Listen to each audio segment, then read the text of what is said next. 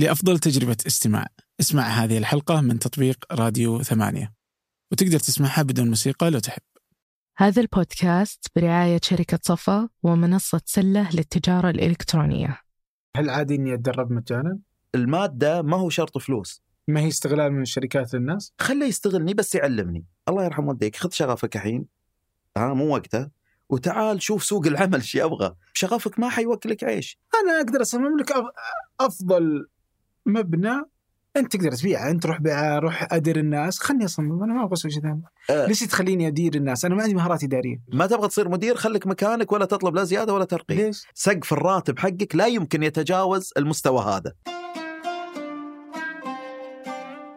أهلا. هذا فنجان من ثمانية وأنا عبد الرحمن أبو مالح. واحدة من أهم مسارات حياة الإنسان هي الوظيفة. تأخذ الوظيفة معظم حياة الإنسان ومنها نجد رزقنا ونعيش ومنها نساعد في بناء الأرض وإعمارها وتحسين الحياة. وهذه الحلقة مع مدير للموارد البشرية. حاولت أجد إجابات على الأسئلة اللي تمر بحياة الشخص المهنية كيف الواحد يختار تخصص من هنا البداية؟ بعدين كيف يبني خبرة وهو لا يزال طالب؟ كيف يقدر يكون علاقات رغم أن العلاقات صعب تكوينها قبل الوظيفة وخصوصا أن معظم الوظائف تتم من خلال المعارف. كيف تبني سيرة ذاتية؟ وهي مهمة جدا. كيف الواحد يكون جاهز في المقابلة الشخصية؟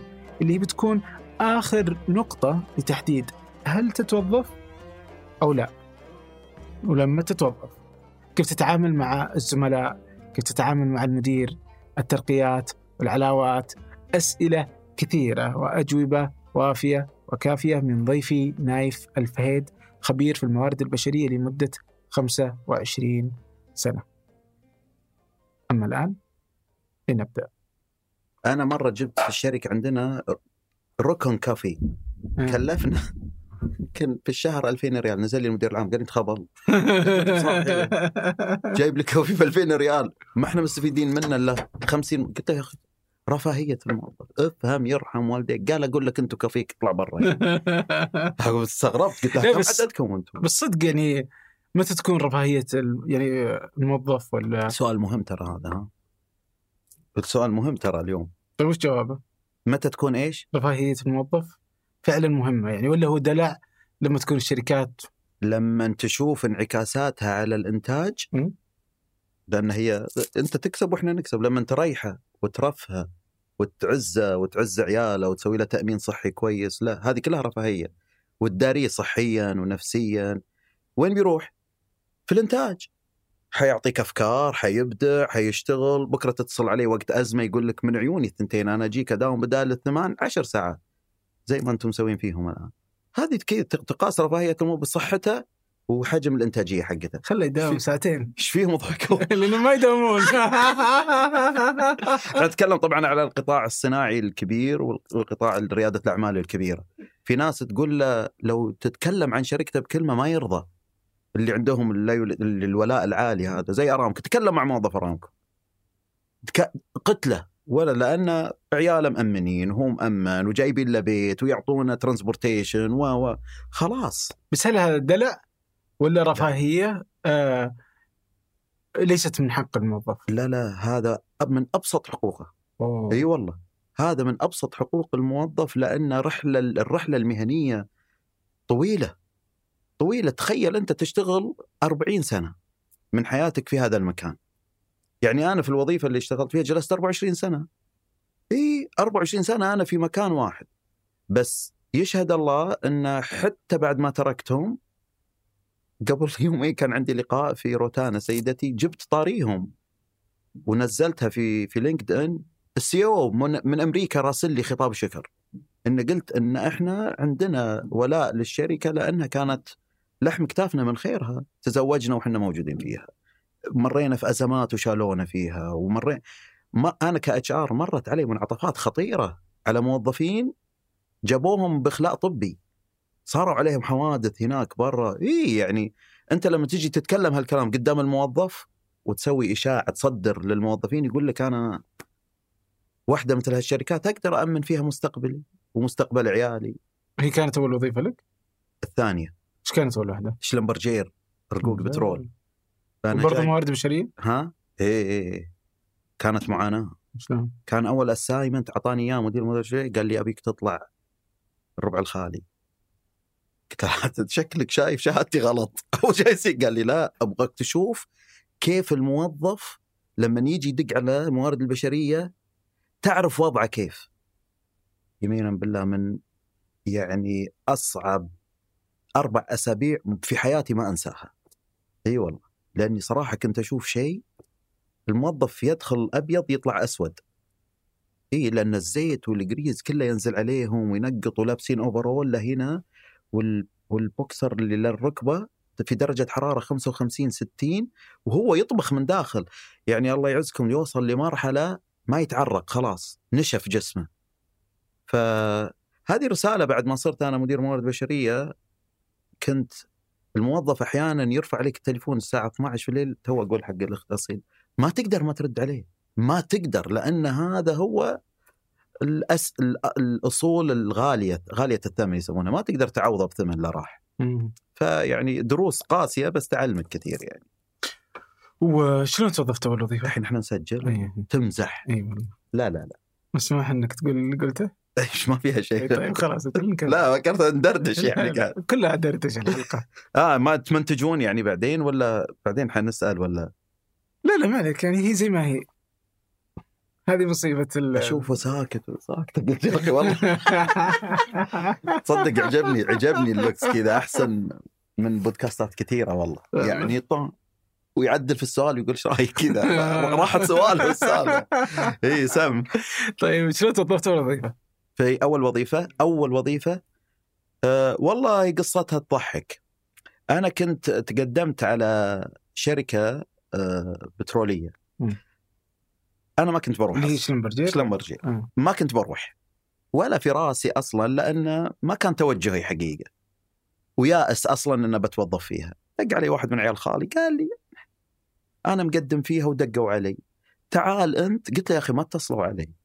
قال لي بس تعال ويانا. والله رحت يمكن في حدود ال 30 شخص. ليش ما اتصل عليك؟ هل قدمت مكان ما قبله؟ قدمت أنا. تعرف إحنا قبل 20 سنة تمشي بالملف العلاقي وروح. آه وسلم شركة شركة. أنا رحت. حتى من الخجل كنت واقف في الأخير أناظر فيهم. أثاري السالفة اللي موجودين بكلهم بنقابلهم. وأنا على استحياء كنت واقف في الطابور. أه، في الاختبار التحريري أنا تجاوزت من ضمن الثلاثين من ضمن العشرة. ولد خالي معي هو اللي ناديني أنا. وكانوا ما يبون إلا شخص واحد. طبيعة العمل في Schlumberger تحتاج قوة بدنية شوي. أخذنا على ورشة ورشة الموجودة في هذا قال بس أبغى أوريكم إحنا طبيعة عملنا. جابنا عند pipe كذا يستخدمونه في ال rig up وال rig down. آه، قال بس أبغى أشوف مين يقدر يحركه. طبعا أنا كنت كنت ألعب في النادي والكورة وكذا فطبيعتنا رياضيين يعني. فما حد قدر. كنا نضحك. يعني الشلة اللي موجودة كانوا يضحكون. ما أقدر أشيله شوي ثقيل. أنا جيت بس. تعرف حساوي وياكل تمر كثير. والله طلع معاي. واللي يسوي المقابلة أمريكي. ما هو سعودي. إيه. فجات عينه علي. يعني كأنه خلاص شنص. هذه الفترة أنا كنت أشتغل عند واحد من عمامي عنده شركة أصباغ. توني متخرج وكذا. سعودي. ويشتغل متخرج موارد بشرية؟ إيه. تخصصك؟ إيه إدارة أعمال أنا إدارة أعمال. إيه إيه. آه وكنت أشتغل عند عمي في محل أصباغ يبيع يبيع صبغ. كل اللي موجودين عمي ترى كان يعطيني 700 ريال وشهر يعطيني وثلاثة لا. بس أنا كنت أبي أتسلى يعني. برضو الأمريكي قال لي كانت عندي لغة إنجليزية كويسة يعني وقتها. قال لي أول مرة أشوف سعودي يشتغل؟ في محل أصباغ أنتم ما تش- ما تشتغلون هالشغلات. قلت عمي وصراحة كنت أبغى أساعده ومشروع الجديد كمان هذه خذها بعين الاعتبار. إن واحد يعني نازل لمستوى هو يشوف إن السعوديين ما يتوظفون. من بين كل الثلاثين اختارني أنا. آه. وأنا ما قدمت بس سبحان الله هذه رسالة إن إحنا آه، إذا الله كاتب لك رزق في مكان حتى لو ما كنت مقدم وما كنت مستعد وما كنت متهيئ بس رزقك موجود ومحفوظ. لانك لا يمكن تتهيأ المقابله الوظيفية إنك تروح تشيل اثقال ما في ما جاء على بالي أقول لك والله. ولا أنا مدعو الضحك وين؟ انه ولد خالي وإحنا طالعين. أنا اللي موقع العقد هو اللي راجع.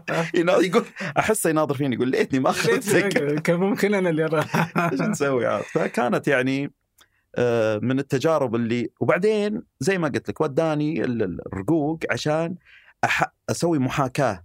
أحس مرة مهمة. اي وت... آه، وترى هذه من الاستراتيجيات اللي يستخدمونها المدراء في إن كيف ترفع الحس الإنساني عند الموظف إنك تخليه يدخل في معاناة الموظف. وهذه جزء من تهيئة الموظف الجديد سواء موارد بشرية ولا غيره إن أنا يعني تأثرت نفسيا كثير باللي شفته وزي اللي جاتني صدمة ترى. يعني رعب بان في أحد اليوم يشتغل هال- هالشغلات هذه اللي موجودين في الرقوق هذا الإنسان لما يتصل يقول أنا أبغى ورقة تعريف بالراتب عشان بروح أقدم بجي بس 12 ساعة وأطلع. في بعض الموظفين يقول لك لما تجي؟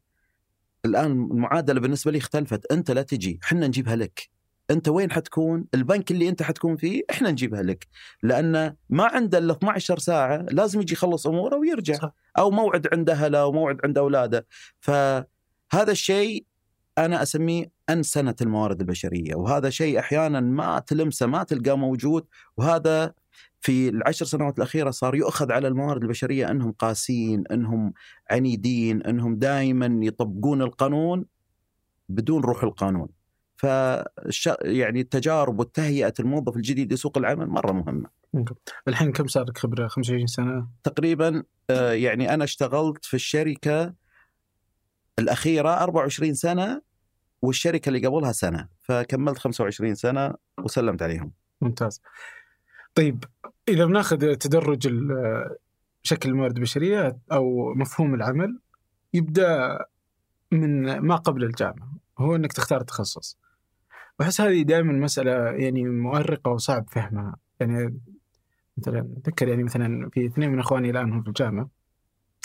بالصدق يعني قبل يقدمون يعني ما تدري ما تدري وش تقترح عليهم ما تدري وش تقول لهم آه، أو تنصحهم حتى هل هذا التخصص صح ولا هذا التخصص خطأ؟ ودائما في سالفة اللي وش سوق العمل يبغى. حتى سوق العمل ما تدري والله وش يبغى. يعني بغض النظر عن المستقبل اللي إحنا نتكلم عليه اليوم اللي هو الذكاء الصناعي وغيره خله على جنب. الأشياء الحياة الطبيعية احس انك لا يمكن تنبؤ ب آه، ما هو التخصص المطلوب في سوق العمل. لو أخذنا السعودية مثلا مثال تخيل في 2013 تدخل جامعة. آه وتجي تبغى تدرس وتقول مثلا تدرس سياحة مثلا ولا تدرس تاريخ ولا تدرس آه أفلام ولا طبخ. يعني مستحيل يقول لك ما حد لن يقبلها أي عاقل. إنك تدخل هذا التخصص لأنه يقول لك مستحيل له آه، سوق. والآن كل السوق يطلب هذه التخصصات. فكيف الواحد يختار تخصص الصدق يعني يعني كيف كيف الواحد يسويها؟ صدق؟ طيب شوف أنت تطرقت إلى حقبة زمنية اللي هي في 2013 تقريبا والفترة ال- ال- اللي ما بعدها. بس اليوم لو أنا جيت اليوم دخلت في الجامعة إذا ما كنت مجبر على التخصص بسبب المعدل، فيما أحيانا أنت تكون خلاص انحديت على تخصص لأن معدلك ما ساعدك. اليوم في قدرات وفي تحصيلي و آه، كل ما ارتفعت كل ما دخلت التخصص ال- اللي آه، أنت تطمح له. المملكة اليوم قاعدة تتوجه إلى نقلة كبيرة في آه، آه، أكثر من جانب. آه، زي ما نشوف إحنا واضح قطاع الرياضة بدأ يعني يأخذ منحنى مرة ممتاز، ال- الاستثمار والاقتصاد والمعمار، أنت تشوف بدأت المباني، بدأت الطرق، بدا التشجير، بدأت الزراعه. فهذا واحد أول شيء أنت لازم تقيس على البلد وين متوجه. قبل يعني في ال 15 سنة اللي راحت كنا نبحث عن معلمين ومدرسين بسبب أن الكادر اللي كان موجود في البلد أغلبهم مش سعوديين. فتحول هذا القطاع الآن إلى تقريبا سعودي 100%. اليوم إحنا نفس الشيء الآن في عندنا وظائف بدأت وزارة الموارد البشرية تسعودها شوي شوي تدريجيا زي المحاسبين والمهندسين وأطباء الأسنان و و و لأن يبون يحولون إلى الحقبة القادمة إن إحنا نسعود كل الوظائف. أنت أول شيء تحط البوصلة على توجه البلد. وين؟ وين رايح؟ وين أكثر الأماكن اللي فيها احتياج؟ هذا واحد. اثنين أنت قد تدخل الجامعة اليوم وتكتشف أن تخصصك بدأ يقل عليه الطلب. ما أنت لازم توازن ما بين العرض والطلب. لما تشوف دفعات اللي قبلك تخرجوا وما عندهم ما ما صعب عليهم إنه يلقون شواغر فأنت هنا لازم تاخذ خطوة للخلف يقول لك المثل أن تصل متاخرا خير من أن لا تصل فلازم تغير البوصلة وتتوجه إلى توجه آخر، الغلط وين؟ إن في واحد يتخصص إلى الأخير ويتخرج وهو عارف انه رايح في مكان الفرص والطلبات قليلة والعرض برا كثير. تسمح لي قصة صغيرة، أنا اتصل علي واحد قبل أسبوع دكتور أسنان. قال لي أستاذ نايف أنا تخرجت بعد رحلة سبع سنوات ما بين بكالوريوس وامتياز طبيب أسنان، بس اكتشفت إن أنا ما كنت صراحة حاب السالفة. ماني بقادر أتأقلم مع هذا هذا النمط من العمل. قلت له الحين بعد سبع سنين جاي تقول لي قال لي والله أبغى أحول إدارة. قلت له بس حرام يعني أنت ممارس صحي ورخصة ومهنية؟ قال لي ابدا. أبغاك كيف تساعدني إن هذا المثال يبين لك إن الشخص كان ماشي في خط ما هو واضح مشتت يمشي وراء الطموح زيادة على الموضوع قال لي إن إحنا في البداية أول ما تخرجنا ما كنا نلقى فرص وظيفية براتب مجزي. فأبغى أتحول إلى الجانب الإداري لأن عندي مهارات، عندي لغة إنجليزية، عندي مهارات إدارية. فهذا النموذج يبين لك إن الشخص أنت لو انتبهت للموضوع بعد أول سنة، ثاني سنة إن في عروض كثيرة في تخصصك والطلبات من السوق قليلة، لازم تغير الوجهة عشان تقدر تشوف وزي ما قلت لك في البداية أرجع للنقطة رقم واحد توجه البلد، أنا أقول لك اليوم إحنا قطاع الرياضة وقطاع السياحة وقطاع الترفيه وقطاع الاستثمار وقطاع الإعمار. هذه التخصصات اللي مطلوبة طبعا أكيد قطاع الطب هو اللي يتصدر هذا لأنه ما فيه اليوم طبيب أكيد في احتياج للأطباء. فهذه القطاعات موجودة. من الجيد كمان نصيحة أخيرة في هذا الجانب يا أخي استشير من سبقوك في هذا الجانب. لأن الطالب أحيانا تكون ثقافته في الخارج خارج الجامعة قليلة لسه. ف شوف لك مستشارين مهنيين الأكاديميين اللي موجودين حولك إخوانك إذا كانوا موجودين أقربائك اللي موجودين في سوق العمل ويتابعون الأخبار والبلد حيساعدونك كثير ترى في اتخاذ القرار. بس الحمد لله الأمور طيبة الفترة الجاية. لا بس التحدي ترى أنك آه إن عمرك يمكن 18 سنة وأنت تتخذ قرار مصيري في حياتك اللي هو وين تروح؟ ف فكيف يختار الواحد وهو بهذا السن يعني؟ وبعدين تقول له مثلا بس ثلاث سنين بعدين أكتشف ان تخصصي خطأ طب أنا بقي لي سنة واحدة وأخلص. هل أرجع من الصفر؟ في يسوون تغيير مسار. يعني يمكن ما ترجع من الصفر بس ترجع سنة وراء. ولكن أنا تبي نصيحتي ارجع. ارجع لأنك حتقعد 40 سنة ها أنت في مكان مظلم في منطقة رمادية وأنت تعرف إنك حتروح في مكان ما حتقدر تكمل فيه. هذا واحد. اثنين اليوم صار التوظيف يست ما يستند بس ترى على الشهادة الجامعية بعد. لازم أنت تكون على طاري 18 سنة. 18 سنة أنا ترى قبل ما أقدر أعرف شيء يعني محدود ما عندي طرق. 18 سنة اليوم والله يا عبد الرحمن يعادل أبو 25 سنة اليوم. لأن في social media في بحث في تطور الجيل تغير. فالمفروض أقل أقل القليل إنه يسوي رحلة بحث عشان يعرف الوظائف اللي معروضة ولازم الرحلة في البحث عن التخصص ترى من الثانوي. أول إحنا خلاص جيب معدل فوق التسعين أمورك طيبة. الآن عندك مفترق طرق ما بين قدرات وتحصيلي إذا ما قدرت تجيب علامات كويسة ما حتقدر توصل للي تبغاه. ولا إذا إنك مقرر تروح هندسة ولا تقرر تروح طب ولا تقرر تروح في المالية والاقتصاد ما حتقدر تلحق إذا ما اشتغلت عليها من قبل. فأبو 18 سنة الآن ترى ناضج أكثر من عندنا قبل قبل 15 سنة. الحين ممكن يقول لك أنا بكمل لأن في دراسات كثيرة وإحصائيات كثيرة تقول إنه آه إن أغلب الناس يتوظفون في وظائف غير تخصصاتهم. يعني درست إدارة أعمال الآن تدير موارد بشرية. آه يعني وأقدر اعدد لك مثلا برضو حتى عندنا في ثمانية 99% من الموظفين اشتغلوا في وظائف درسوا تخصصات غير اللي يشتغلون فيها. آه فما مدى أهمية فعلا التخصص وإني أرجع أدور وأستثمر هذا الوقت بدل ما أستثمره في سوق العمل الحقيقي. طيب شوف أ- وكسب خبرة يعني. أضيف لك معلومة في آه، إحصائية سوتها واشنطن بوست على إن بشكل عام إن عدد نسبة اللي يتوظفون بعد في تخصصهم بعد الجامعة لا يتجاوزون 27% وهذه طيب. النسبة ترى تعتبر يعني وين الباقي يروحون طيب؟ وهو هذا الهدف إن أنت هل تنتظر إنك تلقى تخصصك بعد ما تتخرج من الجامعة؟ قطعا بناء على الإحصائيات اللي قلتها واشنطن بوست اليوم سوت إحصائية كبيرة هو الطبيعي إن الواحد لما يتخرج 27% بس هم اللي متوظفين والباقي تقريبا حدود ال 80% حيتوظفون في غير مساراتهم. الآن يجي التحول والمرونة وكيف إن الشخص ممكن إنه يؤدي وينجز في مكان آخر. ترى أنا تخصصي إدارة أعمال بس 50% منها تعتبر إدارة بعدين أعمال. بس لما توظف الإدارة هذه في إدارة الموارد البشرية حينفتح لك السوق. لما تحصل على شهادات احترافية زي شارم سي آي بي دي وتتطور في الموارد البشرية حتقدر. إضافة إلى أن بيئة العمل حتساعدك كثير ترى أنك تتحسن. يعني أنت ضربت مثال هنا أن في ثمانية قطعا أن الشباب أخذوا تدريب وبدأوا يسوون آه، يتبادلون الخبرات وهم اللي كانوا العام غير اللي هم السنة صاروا تغيروا ومهاراتهم اختلفت صاروا أكثر.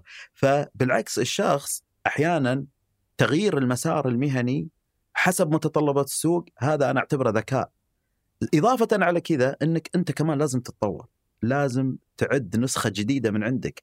لا يمكن اليوم الخريج الجامعي يستند على الشهادة الجامعية. في زمننا هذا انسى الموضوع.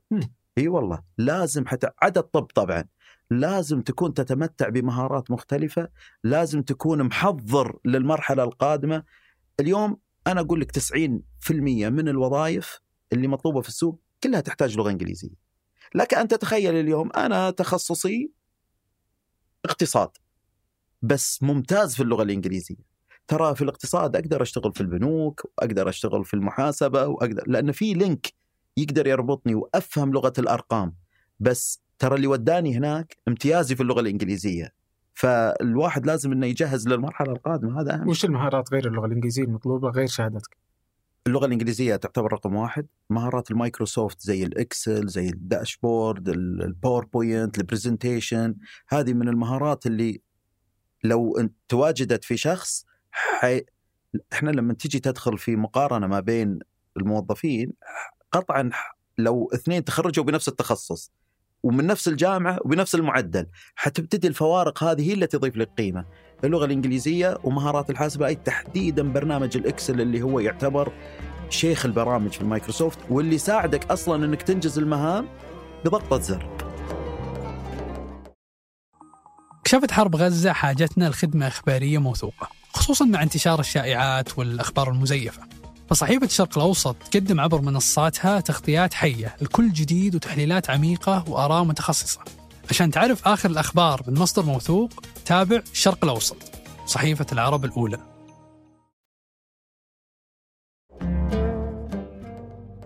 طيب آه، لأن احتياج السوق ترى يعني يبدو إنك أنت شرحت واكدت عليه بس يبدو لي إنه برضه لا يزال مسألة نسبية. يعني صعب إنك تحدد وش يحتاج السوق. أتفق معك. فهل يجي الطالب يقول أنا بدرس اللي أنا أهتم له فبدرس في شيء شغفي موجود فيه.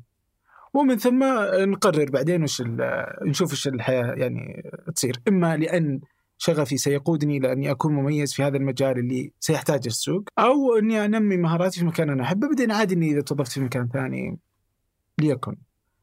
طيب شوف. تبغى تمشي مع العاطفة؟ ولا تمشي مع العقل والمنطق. العقل والمنطق.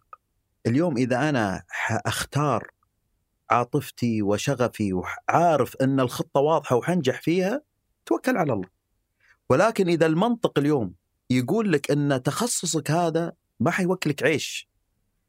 قطعا في بعض الناس اللي عندها شغف في التكنولوجيا في نظم المعلومات يعرف خط سير إن هذا أنا من وأنا صغير وأنا كذا والسوق يبغى. بس أنت مثلا شغفك في الحرف اليدوية شغفك في الرسومات شغفك والسوق اليوم ما يطلب. فالله يرحم والديك خذ شغفك الحين. ها مو وقته. وتعال شوف سوق العمل إيش يبغى. لأن أنت وراك مستقبل وراك أولاد وراك حياة كريمة وتبغى تعيش منها ويمكن عليك التزامات مالية. إذا شغفي ما حيعيشني اليوم ويخليني أقدر يعني أقدر أواكب متطلبات الحياة شغفك ما حيوكلك عيش. فخ... ما هو معناته أنك تنسى الشغف؟ ترى ممكن في لحظة من اللحظات يكون هذا بزنس ثاني لك. ممكن أن الشغف أحيانا تجي له مرحلة ويكون لها اهتمام. ولكن أنت لازم يعني تتبع العقل والمنطق لأن بكرة حتروح وما حتقدر ترجع. وهذا شيء ترى ودى ناس كثير في 60 داهية. أي يعني في ناس نجحت. قطعا أنا أعرف أن في ناس الشغف لما يكون مرتبط بالعصر الحالي بمتطلبات السوق بي اللي قاعد يصير في البلد وتطورها شغف راح وياه. بس في ناس اتبعت شغف ما هو مطلوب في السوق وما هو مطلوب في البلد.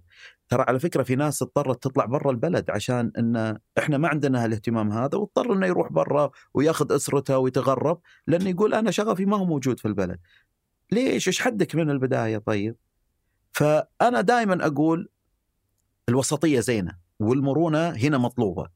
انك اتبع المنطق والعقل وحافظ على شغفك. قد يكون في يوم من الأيام تتاح لك الفرصة. إحنا كلنا وإحنا صغار كنا نحب الكورة وكنا نحلم ترى نلعب في الهلال والنصر وال... ونادي الاتفاق بما إني يعني من الشرقية. بس وكان شغف ولعبنا في المراحل السنية وكان عندنا حلم نلعب في المنتخب.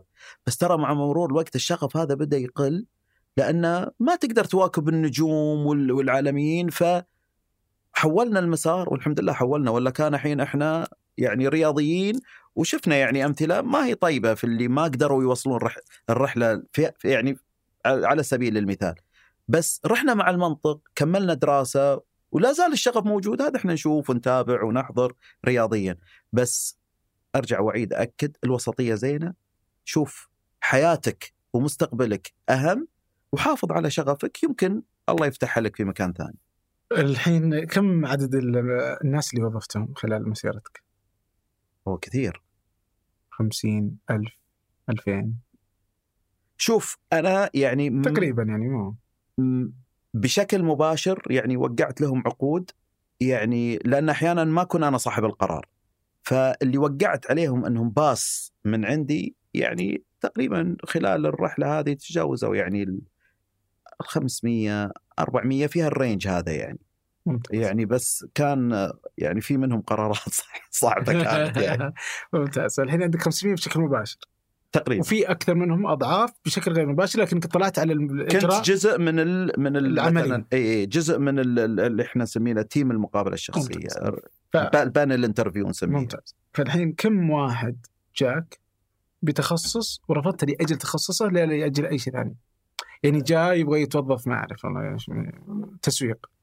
بس يا أخي تخصص قانون. تقول له يا أخي أنت تخصص قانون آسف. والله أنت لا يعني أحس إنك ممتاز. يعني مدير التسويق في الشركة يقول ممتاز. بس لا والله تخصص قانون آسف ما أبغاك. أو أي تخصص ثاني. أو واحد برضه قانون ويبغى يشتغل في الموارد البشرية. ما أدري إيش أنا شايل على القانون بس آه. في أحد القانون هذا قانون. ندم إنه لا شوفوا أبو عمر أنا فودي اعرف بالاستشهادات ب- وفقا لتجربتك. إي آه، شوف أبو عمر أنا يعني اللي إحنا في شركة ما يعني آه، شوي متقدمة في هذا الأمر. لا يمكن أسمح إن أنا أنحط في موقف مثل هذا أو أجيب شخص وأحطه في موقف مثل هذا. آه، والسبب إن إحنا نفلتر السيره الذاتية قبل لا أجلس مع الشخص أنا أعرف قريتك قبل لا أجلس معك في المقابلة الشخصية. وهذه رسالة ترى لكل الموارد البشرية. لا يمكن أستدعي شخص لأن هذا ممكن جاي من برا المنطقة. يعني إحنا في الشرقية ولا في الرياض وهذا جاي الأخ جايني من الشمال ولا من الجنوب ومتكلف أجي أقول له أنت غير التخصص اطلع برا. هذا خطأ كبير وظلم في حق هذا الشخص. أنا عندنا إحنا يعني آه، يعني standard معين نمشي عليه إن تتفلتر السيره الذاتية وتستعرض وإحنا نختار التخصصات اللي إحنا نبيها. كون ان أنا وصارت والله مرت علي مواقف كثير يقول لما رحت قالوا لي ال example هذا اللي أنت قلته ترى صحيح قالوا لي أنت تخصصك ما هو مرغوب عندنا. طيب ليش استدعيتني للمقابلة الشخصية؟ معناها في حلقة ناقصة موجودة في ال process حق المقابلات الشخصية وهذا خطأ كبير. فأنا ما مر علي شخص أمانة يعني لا يمكن ما بدينا المقابلة الشخصية أقول له أنت تخصصك. ولكن في بعض حقون الموارد البشرية الله يهداهم. أحيانا لما الشخص ما يجتاز المقابلة الشخصية يحط هذه شماعة. يحط هذا العد. اي إيه فم... طيب هل قد وافقت على واحد في تخصص غير تخصص آه اللي درسه؟ اي الحين بقول لك هذا مثال كويس. آه، أحيانا يجيك الشخص على أساس إنه مهندس. وإحنا طالبين مهندس في قسم المشاريع. ولكن من خلال المقابلة الشخصية أنا كموارد بشرية وزميلي اللي هو خبير المهندسين. المهندس عادة يسأل الأسئلة التقنية البحتة في مجال الهندسة. أنا خلال المقابلة الشخصية أكتشف أن الشخص يا أخي عنده قيادية عالية عنده مرونة عالية عنده حب العمل الجماعي. إضافة إلى كذا كان إيجابي كثير في المقابلة الشخصية. أنا أنا قاعد أقيس الشخصية. يعني أمور تتعلق بالشخصية من خلال الأسئلة اللي أنا أوجهها. زي ما قلت لك مرونة العمل الجماعي الطموح الشغف فيه في. زميلي اللي هو مختص في الأمور التقنية قال أنا أحس أنه هو مش يعني اللي أنا أبحث عليه. أنا لأن عندنا عندنا علامات إحنا نحط عليها. أنا أعطيته علامات مرة عالية. وخليته عندي إلين ما ننحد أحيانا إنك ما تلقى شخص بهذه المواصفات. وفعلا وظفت شخص هندسة في تخصص إداري. وما أبغى أقول لك اليوم هو برضو في إحدى الشركات مدير موارد بشرية. لأن عنده عنده مهارات عالية، الرجل قيادي، الرجل مهاريا كويس، عنده شغف في الإدارة، عنده حب في الإدارة ولكنه مهندس، وهذا ما يعني إنه ترى ما درس مواد إدارة. بس اطلاعاته كثير في الإدارة، أحيانا في في حاجات تجي في الشخصية نفسها القيادية، المرونة، الجماعية، الإيجابية ما تلقاها ترى في كل واحد، فاحيانا أنت تنتقي شخص تعرف أنه مناسب للمنظومة اللي أنت شغال فيها. فصارت كثير. ففكرتي الحين هل فعلا التخصص بعد ما خلصت الجامعة له قيمة حقيقية في مسارك المهني؟ ولا هي قيمة حلو إذا عندك بس إذا ما عندك ترى مو نهاية اي اي آه شوف إذا ما كانت التخصصات دقيقة يعني في الطب إي الطب في بعض الأمور الهندسيه اللي ما يمكن يعني لا تجيب لي مهندس كهربائي وتقول ببدله بجيب واحد متخرج إدارة. أي هذا جانب معين ولكن ما فيها كلام ومليون في المية وأتفق معاك بكل ما تعنيه الكلمة. التجارب كثيرة والنجاحات كثيرة. يعني مرت علي حالات كثيرة أن الأشخاص خارج التخصص أبدعوا كثير. هذا واحد منهم مثال كويس. والله التجارب كثيرة وال والمشكلة اللي ما كنت أصدقه يعني خلال التجربة التجارب اللي أنا شفتها إن كثير من اللي وصلوا ال VPs وال vice president أصلا تخصصهم كان اللي متخصص مختبرات واللي متخصص إدارة واللي متخصص هندسة واللي متخصص إلكترونيات ما ولا نظم معلومات بس التطور المستمر للشخص يوصلك إلى أماكن ما تتخيلها. واحيانا تطغى العوامل الشخصية على العوامل التقنية. شخصية بمعنى أن الرجل يحب يتطور يحب يتعلم يحب يتعامل مع الناس عنده طريقة وأسلوب في انه يقود مجموعة كبيرة جيد في العمل الجماعي يقدر يحقق نتائج ويتخذ قرارات ويطلع من أزمات في له ريكورد عالي كثير يخليه يوصل. بعيد كل البعد عن التخصص حقه. وعلى فكرة يعني إحنا في البلد عندنا أمثلة كبيرة كثيرة وصلوا إلى وزارات خارج تخصصهم. يعني أمثلة كثيرة يعني الدكتور آه، الربيع. توفيق الربيع. اي توفيق الربيع. يعني حاسب آلي دكتوراه في الحاسب الآلي ولكنها وكان وزير الصحة قبلها. قبل فما وزير التجارة ولا وزير الحج. وهذا واحد من الأمثلة اللي اليوم في السعودية صار يحتذى فيه. يعني واحد من الأمثلة في الوزارة إنه وصل شخص ل من أعلى المناصب في الدولة خارج تخصصه وصارت تستشهد في أماكن كثيرة ترى في البلد. صحيح. طيب الحين آه، تخرج من الجامعة يبدأ يبحث عن فرص وظيفية. عادة اليوم آه، معظم الوظائف لما يعلن عنها آه، في أي مكان يشترط الخبرة وعادة حديثي التخرج ما عندهم خبرة. فكيف الواحد يبدأ كيف الواحد يبدأ يكت... كيف حديث التخرج يقدر يكس... يكتسب خبرة؟ طيب شوف هذا يعني سؤال ينطرح كثير على الخريجين. و... وصراحة ي- يعني يؤسفنا إن إحنا نلقى شركات كثيرة آه، تدور على هذا الجانب كثير خصوصا مع الخريج ولكن ولكن اليوم في شيء في الجامعة يصير إن أحيانا الشخص يغفل عنه. في المجالس الطلابية في الجامعة في الأندية الجامعية في الجامعة. ترى أنا قريب لأن بنتي تدرس في الجامعة وقبل فترة كانت متصله علي تقول لي نبغاك تقدم لنا محاضرة لأن أنا في المجلس الطلابي. وأنا واحدة من المنظمات وغصبا عنك لازم تجي تقدم لنا تدريب في الجامعة. ف قلت لها أنتم شو النشاطات اللي تسوونها؟ قالت أنا اللي أتواصل من خارج الجامعة عشان أوفر دورات تثقيفية تدريبية لنا إحنا لطلاب الجامعة. فهذا ترى يعتبره event معين يعني فعالية معينة هي كانت تدير فعاليات ترى هذا جزء كبير يعلمونك إياه الجامعة في المقابل ترى في طلاب من يدخل الجامعة لما يطلع هو وال roommate حقه في الغرفه ما يعرفون أحد وهذا يأثر عليك في سلوكك في آه، علاقاتك في مرونتك حتى في شخصيتك. فتقدر تكتسب خبرات من قبل لا تتخرج من الجامعة العمل الصيفي وال co-op training ال cooperation training أنت بعد ما تتخرج من الجامعة ترى هذه أول محطة لك في إنك تكتسب الخبرة. إذا ما قدرت تستفيد أقصى استفادة من هذا التدريب التعاوني أنت ضيعت فرصة عليك كبيرة. أنا وظفت ناس كثير من هذا المكان. إي لأنه وفر علي مقابلة شخصية وفر علي سيرة ذاتية وفرز و... وعقود ورواتب. اكتشفت إن هذا هذا لا يفلت. هذا لا يروح مكانه وهو كان مدرب. وهو كان متدرب وقعنا وياه عقد مبدئي قلنا له مكانك موجود. روح كمل إذا باقي لك كم سمستر في الجامعة آخر سمستر طبعا هنا. ويجي كثير كثير صارت. فخبرة قوية يستفيد منها بس مهم جدا إنك تختار الجهة اللي تقدر تضيف لك قيمة. فالخبرة ترى تجي خلال الدراسة الجامعية وأول ما تتخرج من الجامعة. طيب الآن نرجع للي تخرجوا. نحكم عليهم الزمن انه ما عندنا خبرة. هنا عندك طريقين. الأول الأعمال التطوعية. الأعمال التطوعية مرة ممتازة. إذا كان في لها آه، عائد مهني عائد تقني يضيف لك قيمة في تخصص حقك ممكن تتوجه إلى الأعمال التطوعية الجمعيات الخيرية ال- في شيء يسمونه العمل الجزئي والعمل في الفعاليات والأعمال الموسمية. يحتاجون كثير إحنا نشوفهم كثير في الأعمال الموسمية والمهرجانات الكبيرة اللي تصير.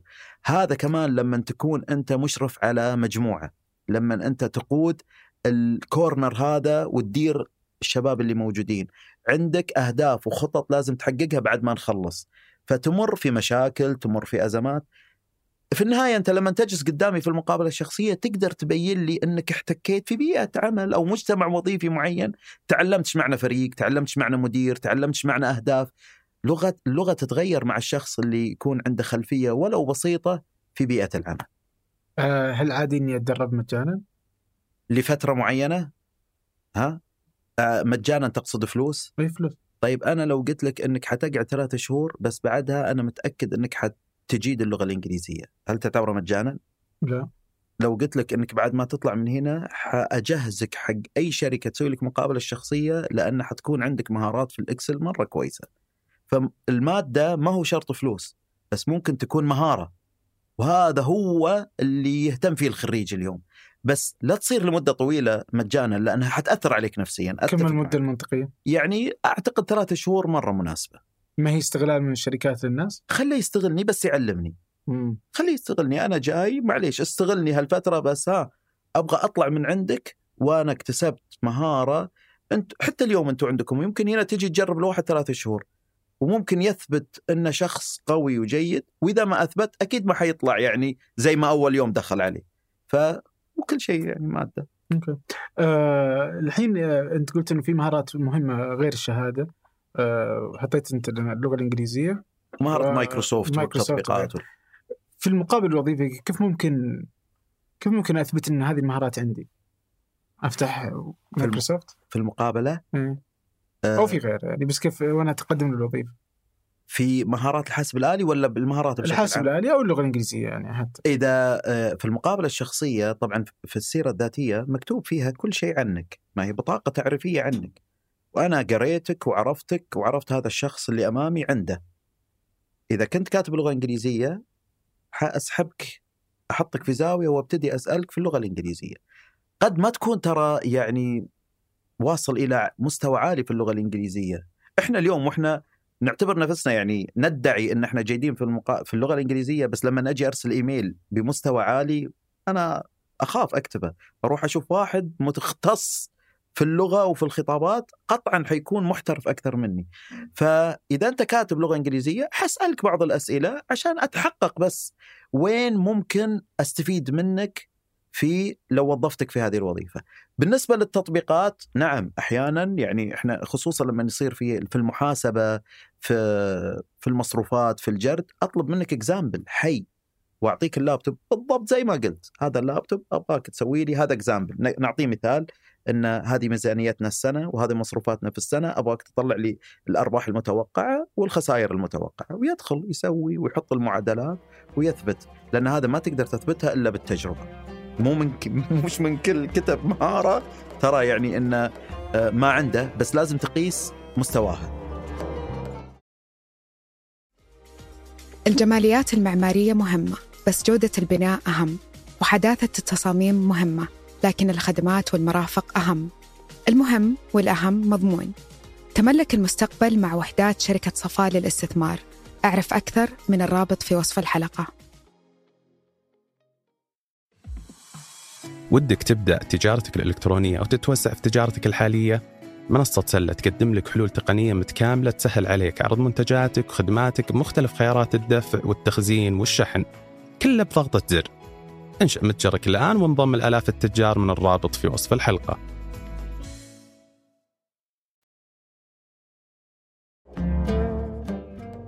كيف ممكن أسوي السيرة الذاتية بشكل مثالي؟ هل في قالب محدد ولا مفترض؟ أسويها بطريقة معينة وأكتبها من شركة لشركة؟ شوف أه حبتدي من ما انتهيت. حلوة من شركة لشركة. مش من شركة بالضبط من وظيفة لوظيفة أو من مسمى لمسمى. وهذا هو اللي يميز السيرة الذاتية اليوم. حجيك على القالب. بس أبغى أوصل رسالة إن ترى كل مسمى وظيفي يحتاج لسيره ذاتية. يعني أنا اليوم دارس إدارة أعمال واللي متقدم عليها موارد بشرية. هل أقدر أميل إلى هذا الجانب. ابرز الجانب اللي يتعلق بالموارد البشرية اللي يتعلق بقوتي في الإدارة. إذا أنا حاصل على شهادة في الموارد البشرية دورة في التأمينات الاجتماعية عندي في قوة عندي حأبتدي أشكل وأفصل السيرة الذاتية زي ما يبغاه المسمى الوظيفي. فالجزئية الأولى أن من الخطأ إن أنا يكون عندي سيرة ذاتية واحدة وهذا ترى 90% من الطلاب يخطئون فيه. يقول لك أنا متخصص اقتصاد معناها أروح أكتب كل شيء له علاقة بالاقتصاد. خطأ. أنت دارس أربع سنوات في الجامعة لا يمكن دراستك كلها اقتصاد. وممكن عندك شهادة كويسة ضافت لك قيمة. ممكن عند أنت محترف في الإكسل. وأنا ترى نسبة احتياجي في تطبيق الإكسل في هذه الوظيفة صح. أكثر من الاقتصاد حقك. إي أو إنه ممكن أنا ما احتاج النهائيا فقيمتها ما بالضبط بالضبط. فأنت شكل ولون سيرتك الذاتية ووجهها إلى المسمى الوظيفي. كثير يلفت انتباهنا خصوصا في أقسام التوظيف. يدورون على كلمات مفتاحية معينة. ما يدورون على تخصص معين فقط. التخصص زي ما قلنا قبل شوي يحتاج في الوظائف اللي تحتاج دقيق. لازم تكون آه تخصص معين. بس اذروايز لا. أنا أسعى إلى منظومة متكاملة في هذا الخريج.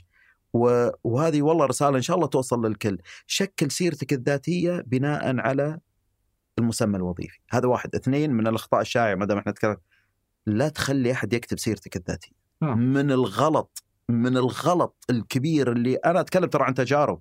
والله عبد الرحمن ما يعني ما شفت أحيانا أسأل أسئلة يقول لي ورني وين مكتوب. آه. أنا هنا خلاص أنجل. طبعا صارت لي كثير وأقول له خذ. فهم خلاص وقتها تكون أنت انهيت المقابلة أول شيء. آه لأن يعني شوف الموارد البشرية حساسين مع المصداقية كثير. يعني حسيت إن اللي بعد رحلة أكاديمية ما كلف على نفسه يبذل مجهود إنه يسوي له سيرة ذاتية كويسة هذا أعتبره إنسان يعني مهمل قليلا. فما ينفع ما ينفع في المنظمة. أنت تونا في البدايات وأنت كذا. بس وين؟ أنت شغل مخك كويس. اكتب سيرتك الذاتية بيدك. اكتبها أنت على أي برنامج وعطها واحد يسويها لك.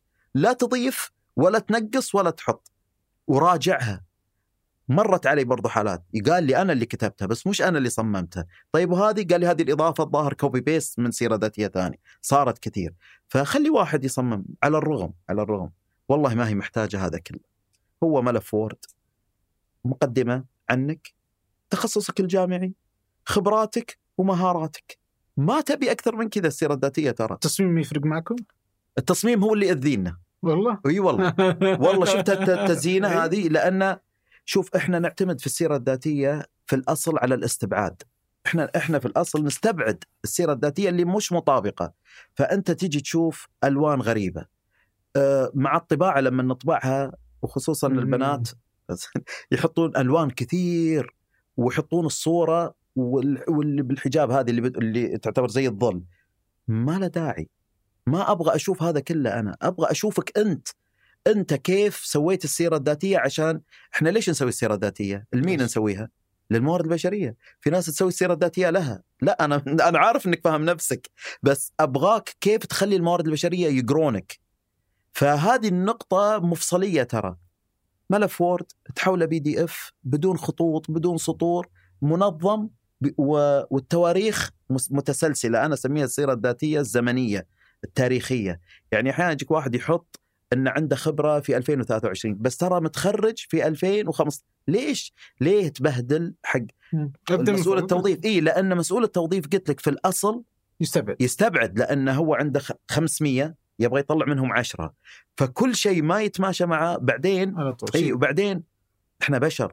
أنا متأكد إن هذا الشخص أحيانا يتضايق ويبتدي يلعب على الألوان. يقول لك بستبعد اللي بدو اللي عليها ألوان بستبعد اللي فيها خط صغير بستبعد اللي... طيب اقراها. يقول لك تعبت ما حقدر أركز كثير. فأنت ريح. سيرة ذاتية على ملف وورد مكتوب فيها كل شيء بوضوح في صفحة واحدة. هذا إذا إنك خريج. عاد أنت senior عندك يعني آه، خمس عشر سنوات قد يتطلب من أكثر من صفحتين ثلاث لأن منجزاتك كثيرة وال position اللي أنت مقدم عليه كبير. فمحتاجين إن إحنا نشوف إنجازاتك نشوف وين اشتغلت وكيف تحرك. تسلسلك المهني هل أنت اليوم بديت آه، قائد بعدين صرت مدير بعدين صرت مدير مجموعة بعدين صرت مدير عام؟ هذا التسلسل مطلوب إن إحنا نشوفه في السيرة الذاتية.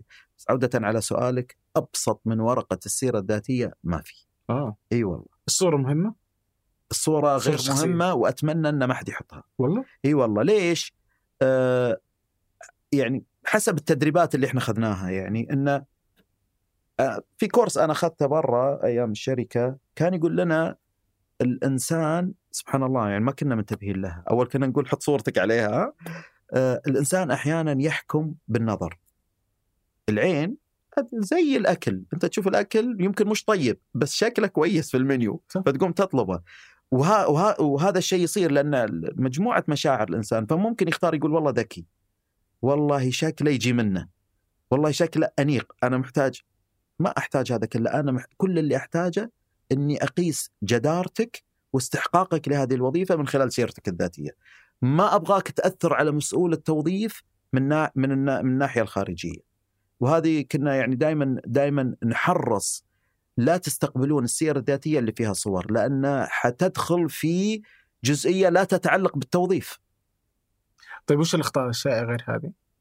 آه والله في. أخطاء كثيرة. مثل آه ترفض الأخطاء الإملائية بشكل كبير كبير مرة، يعني أنت إذا كاتبها باللغة الإنجليزية وأخطأت ها أعرف إن لغتك الإنجليزية ضعيفة. وباللغة العربية نفس الشيء. الت- التسلسل الزمني مهم وفي ناس تلعب لعب في السيرة الذاتية يطلع وينزل على كيفه وهذا يعني آه، يخليني ما أقيس حتى عمرك المهني. ما يخليني أقيس سنة التخرج حقتك وخبرتك كم. ليش أبو عمر؟ لأن أحيانا في ناس يصير عندها اوفرلاب أو فترة ما صار فيها أي منجز. أنا هنا يعني يثير شكوك الموضوع. وين كنت؟ يمكن لا سمح الله كنت في مكان يمكن كنت في خارج البلد يمكن فلازم اقراك بشكل كويس فسلسلها بشكل كويس. كمان من الأخطاء الشائعة اللي تصير المعلومات. إيش تقصد؟ المعلومات الشخصية أحيانا الواحد يطير له رقم تليفون ما تعرف توصل له آخر رقم ما يكون موجود أو ما يكون واضح. كاتب إيميل سطر. يعني لازم الإيميل اللي تبغاني أتواصل معك فيه صح؟ لازم يكون في اسمك و وال- والمنصة اللي حنراسلك فيها. الاسم كمان يأثر. يعني أنت كاتب فتى الشرقية مم. ولا كاتب أبو فلان ولا كاتب اسم نادي ولا إنك عاشق ماني عارف إيش ترى إحنا موارد بشرية يعني لازم تبين قد تستبعد بسبب اي اي الإيميل اي اي واضح إنك جايب واحد زاحف فهذه. هذه الأخطاء هذه الأخطاء يمكن ما ما هي مؤثرة بشكل مباشر بس مسؤول التوظيف أحيانا أحيانا يقوم يفاضل في هذه الأمور. يعني أنت تلقى واحد والله منظم ومرتب ودقيق وبدون أخطاء وتسلسل وهذا نفس الشيء بس هذا عافس الدنيا وملخبطها فنرجع للأساس. مسؤول التوظيف يستبعد وينتقل أكثر جودة.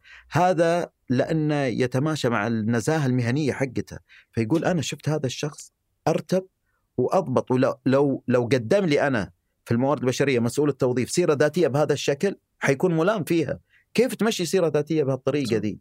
فهو دقيق في كل معلومة موجودة في السيرة الذاتية لأن هذه وظيفته. وإحنا نقيمه ترى على هذا الموضوع. نقول له ترى أنت السيرة الذاتية اللي تجيبها ما هي كويسة. المثال اللي قلت له قبل شوي إنه مقدم لي واحد بسيرة ذاتية تخصصه غير. كيف جايب لي موظف تخصصه غير اللي مطلوب؟ فأنت فشلت في عملية استقطاب شخص حسب المواصفات اللي إحنا طالبينها. في اللي ياخذون الدورات اللي على الإنترنت من مواقع سواء إيدكس ولا كورسيرا ولا غيرها. آه، ما مدى أهمية إضافتها؟ آه، شوف أنا آه، دائما أعزز للدورات. دائما أعزز لرحلة التعليم واستمراره ولا لها شغل بعمر ولا لها شغل بفترة معينة. طالما إنك قادر تعلم. طالما إن حتضيف لك قيمة تعلم. الخطأ وين؟ لا تروح تاخذ شهادات مجرد إنك تاخذها وتكتبها في سيرتك الذاتية. خطأ كبير لأنها ما ضافت لك قيمة. لو جيتك أنا سألتك في واحدة من الدورات قلت لي والله اخذتها أونلاين كانت مفتوحة ومريت عليها. إيش ضافت لك؟ والله كانت دورة مفتوحة وحصلت عليها. طيب ليش؟ ليش؟ يعني لهالدرجه الوقت يعني ما له ثمن عندك؟ يعني لو رايح متعلم لك برنامج application ومصممة كان أحسن لك من هذا كله. الهدف الأساسي من كل الكورسات اللي انت تحصل عليها انها تعيد عليك بالمنفعة انها تضيف لك قيمة في المفاضلة ما بينك وما بين شخص آخر. فاليوم إذا في أحد خريج موارد بشرية وما حاصل على شهادة الشارم مثلا أفضل من الشخص اللي متخرج موارد بشرية ومش حاصل على شهادة وهذه تعتبر شهادة ذات تقدير عالي في الموارد البشرية. فالهدف الأساسي إضافة القيمة للسيرة الذاتية اللي ترجح كفتك آه. لما يصير في مقارنة.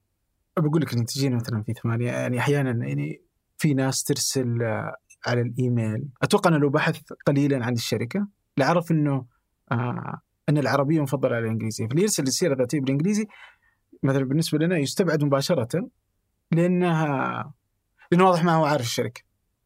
يعني واضح إنه ما بحث. لو بحث لعرف أن إرساله باللغة الإنجليزية يضعف آه، مكانته. فالحين يجي لأن الوصول إلى آه، المقابلة الشخصية هذه الحالة تحدي فهو ما قبل. آه فالسؤال كيف الواحد يبحث عن خصوصا يعني مثلا لو نجي للشركات اللي موجودة مثلا إعلامية يمديك تعرف كثير عنها بس ما مدى أهمية أو أدري إنه مهم فهو كيف الواحد يقدر آه، يعرف الشركة اللي بيقدم عليها أكثر؟ هل إنه يعرف ناس فيها؟ هل هو ولا أصلا فعل آه، فهم الشركة غير مهم بهالدرجة؟ طيب شوف آه، إحنا عندنا م- مشكلة إن الشخص أحيانا آه، يستصعب الوصول للمعلومة وهذا الجزء كثير يخطئون فيه الخريجين مهم جدا مهم جدا إنك المعلومة الواحدة شوف أبو عمر المعلومة الواحدة عن الشركة تضيف لك قيمة في طريقة كلامك معهم. طريق ال- ال- الأعراف اللي موجودة عندهم. لما تقرأ أهدافهم كثير من الشركات ترى تشارك أهدافها في المواقع. تعرف إن هذول الناس حساسين من الأمور اللي فيها مصداقية وثقة. لا تتكلم اياهم في هذا الموضوع. واضح إن هم ينتقون بناء على التخصصات ال- أو السكور المعين اللي متخرجين مع مرتبة شرف وانت طالع. قراءتك للشركة ترى تبتدي تنعكس عليك وحضورك يصير مختلف. صح. لأنك تتغل... تتكلم بلغتهم تتكلم بأسلوبهم وستايلهم وعلى فكرة هذا جزء من الذكاء اللي أنا أسميه الذكاء الوظيفي في ال- في المقابلة. جدا مهم أنك تعرف مستوى تفكير الفريق اللي قدامك. ولكن لا تتعمق كثير لأن ممكن تتوه في العملية. ولكن كل اللي تحتاجه أنك تجمع مجرد نقاط عشان تقدر تدخل من من أول الباب مثل ما يقولون لأن التعمق أحيانا كمان حيصعب عليك الأمور. ولكن من الجيد من الجيد إنك تجمع معلومات ولو بسيطة عشان تقدر تكون في ال level اللي هم يبون يشوفونك فيه. ترى هو هذا الهدف. طيب الحين أنا عندي سيرة ذاتية ممتازة. سويت الأشياء اللي أنت قلت لي عليها تخرجت عندي خبرة آه، سواء تطوعية أو تدريب. وين اقدم؟ وين القى الوظائف؟ يعني في هيئة الإحصاء آه، نشرت تقرير إنه آه، إن الناس آه، تجد الوظائف بالدرجة الأولى عن طريق الأهل والأصدقاء بعدين أصحاب ال- التقديم على أصحاب أصحاب العمل مباشرة أو الثالثة كانت اللي هو المنصات ال- ال- المفتوحة زي جدارات وغيرها. فالآن أنا وين ألقى الوظيفة يعني كيف ألقى وظيفتي؟ هل أروح مثلا المعارض اللي تسويها الجامعات أحيانا اللي هي يوم المهنة هل له فائده؟ وين أروح؟ لينكدين آه، وين تشوف المكان المثالي للتقديم آه، على الشركات والجهات الحكومية؟ طيب شوف آه، كل اللي قلته صراحة لأن الباحث عن عمل ما يعرف وين الجهة اللي فيها نسبة استقطاب كثيرة فأنت كل اللي قلته ترى أنت باحث عن عمل والباحث لا يكل ولا يمل آه، مشكلتنا إن إحنا ما نعطي آه، البحث عن وظيفة وقته نكون مستعجلين ونبغى نوصل. وقد تكون ترى البحث عن عمل أنا أقول لك والله ما هو شيء سهل. ابدا في ناس تستسهل يقول بتخرج بتوظف. ابدا قد يعادل في أهميته كل ال 18 سنة اللي درستها في السابق. وين ما تلقى مكان تقدر تقدم فيه يا أخي إحنا في الفترة الأخيرة قمنا نعطي في الاستشارات نقول له روح بنفسك. واحد يقول لي صار لي سنة أقدم ما ألقى على المواقع. طيب وش سويت؟ قال لي بس ما كنت أقدم إلا أونلاين. خطأ كبير. روح بنفسك جرب. آه، القريبين منه بتخصص على سبيل المثال أنا ما يعني مرة كلمتني ممرضة. قالت لي أنا صار لي مدة ترى جالسة أدور تمريض ماني بلاقي في منطقتنا اللي ما فيها توظيف. قلت لها طيب مرة حصل لك وظيفة في مستشفى؟ قالت لي يجيني في الأرشيف في الاستقبال. قلت لها طيب هذه واحدة من الوظائف اللي قد تكون قريبة من تخصصك.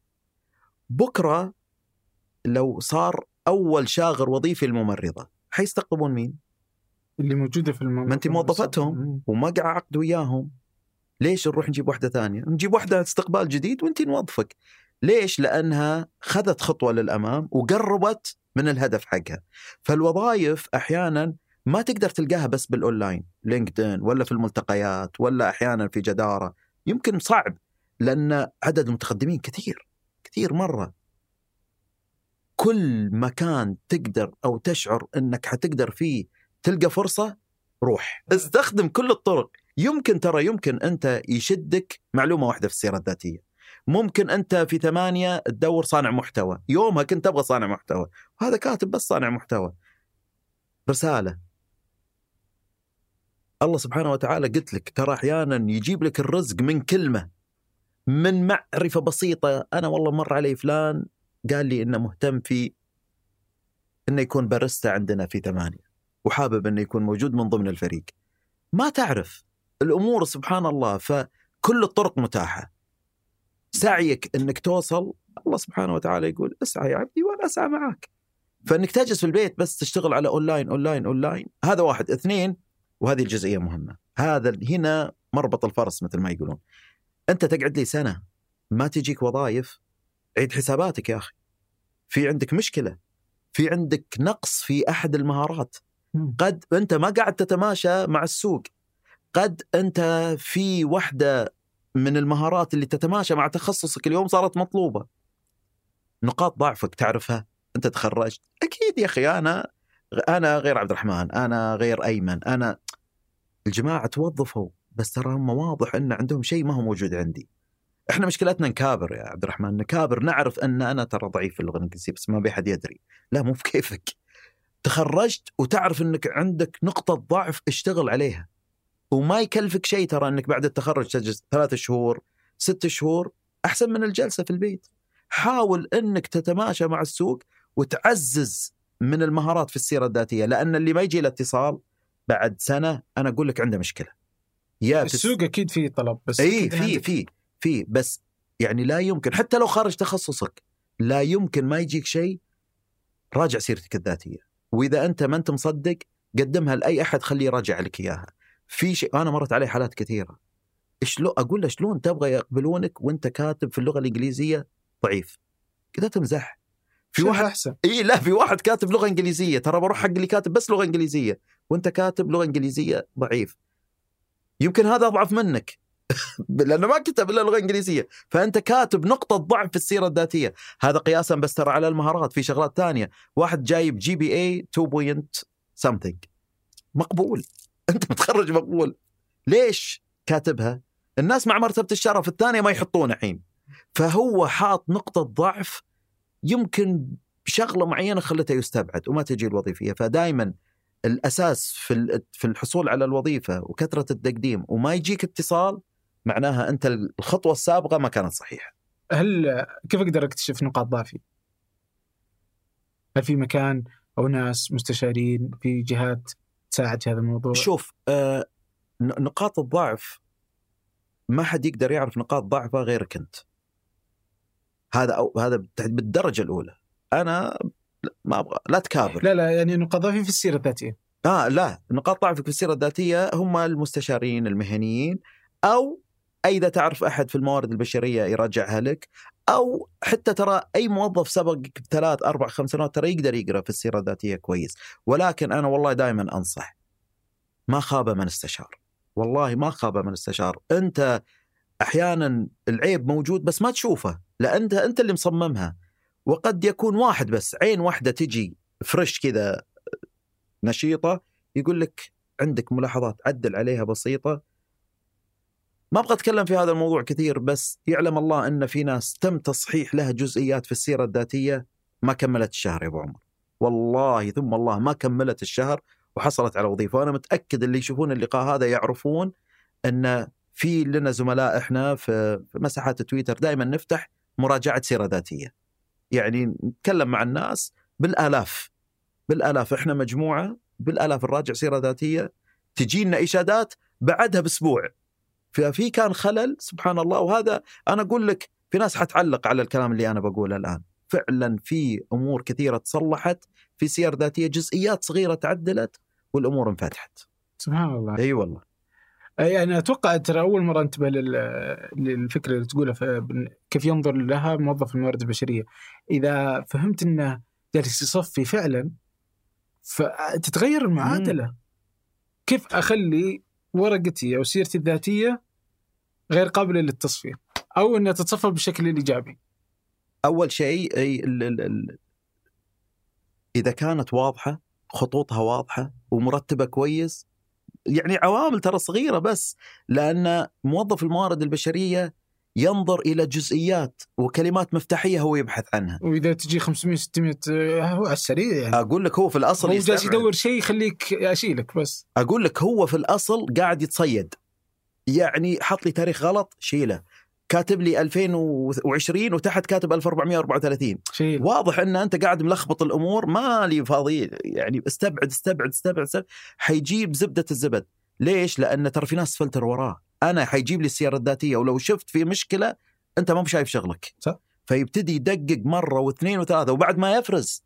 ويطلع الخلاصة بعد يعصرها مرة ثانية يصير التدقيق الثاني فهي أبو عمر فلاتر عرفت؟ في فلتر أول الأغلاط الصغيرة، الفلتر الثاني التخصصات، الفلتر الثالث قبل لا يروح هناك لا راح للمدراء حتصير عليه مشكلة هو. اسمح لي قصة صغيرة. تفضل إحنا مرة ما فلترها. واحدة من السير الذاتية ما فلتر مش التخصص ما فلتر إن الشخص ما كان عنده مهارة كنا محتاجينها. وصلتنا وما انتبهنا. وجانا في المقابلة الشخصية وما انتبهنا. وتوظف. والله العظيم والله العظيم. إن شاء الله يشوفني. له. إن شاء الله يشوفني. وتوظف. بعد فترة جانا تدقيق. آه. يصير في تدقيق عشان نضمن. الحوكمه تعرف النزاهه يجي عليك مفتش.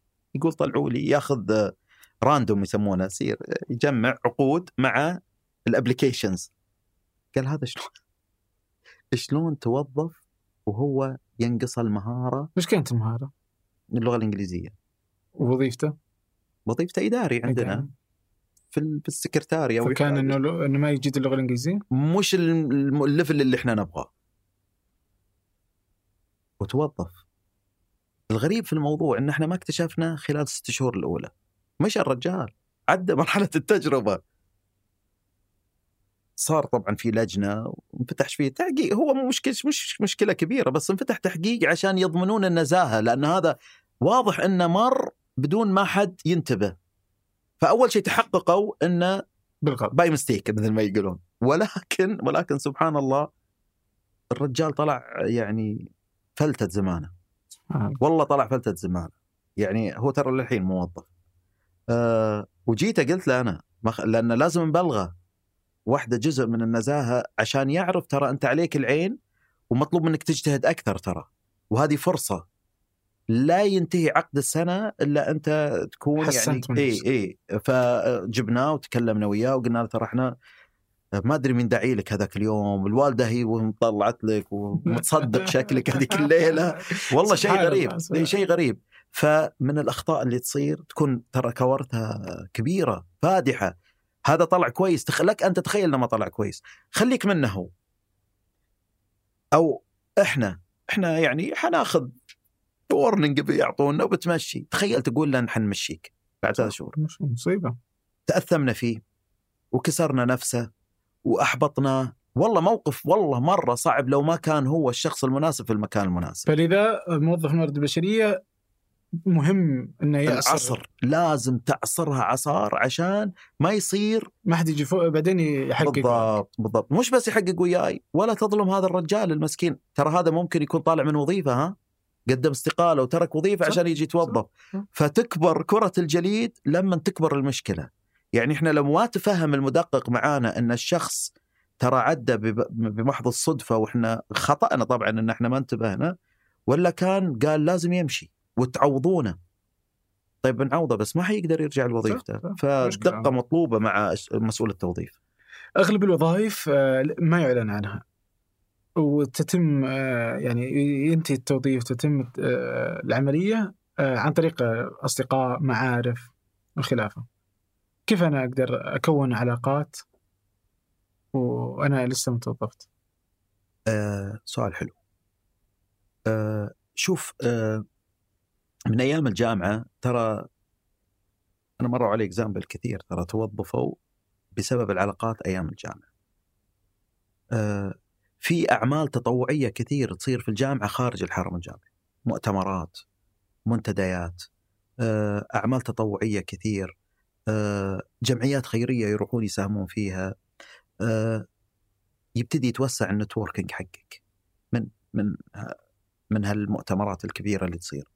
أحيانا أنت تكون مشارك في فعالية من الفعاليات تتعرف لك على ثلاثة أربعة قطعا حتطلع بصداقات جديدة فتبتدي سبلت تنتشر تنتشر تنتشر. آه والله في شخص اسمه آه نسيت اسمه والله اسمه عبد. اسمه خالد عبد الرحمن لأنه على اسم الممثل. خريج جامعة البترول. والله أنا أحب أقول بالأسامي لأنه يستحق التقدير.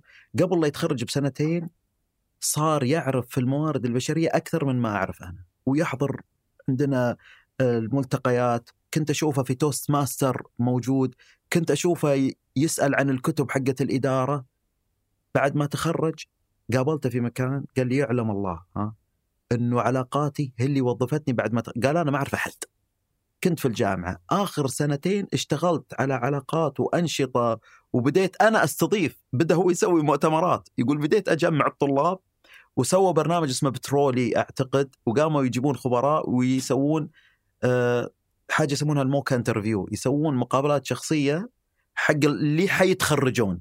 وهو كان يقود العملية. صار يعرف شباب في الموارد البشرية. وصار يخدم الطلاب اللي موجودين. فوسع دائرة العلاقات حسب كلامه لي بعد ما تخرج. قال لي أنا ما جلست شهر.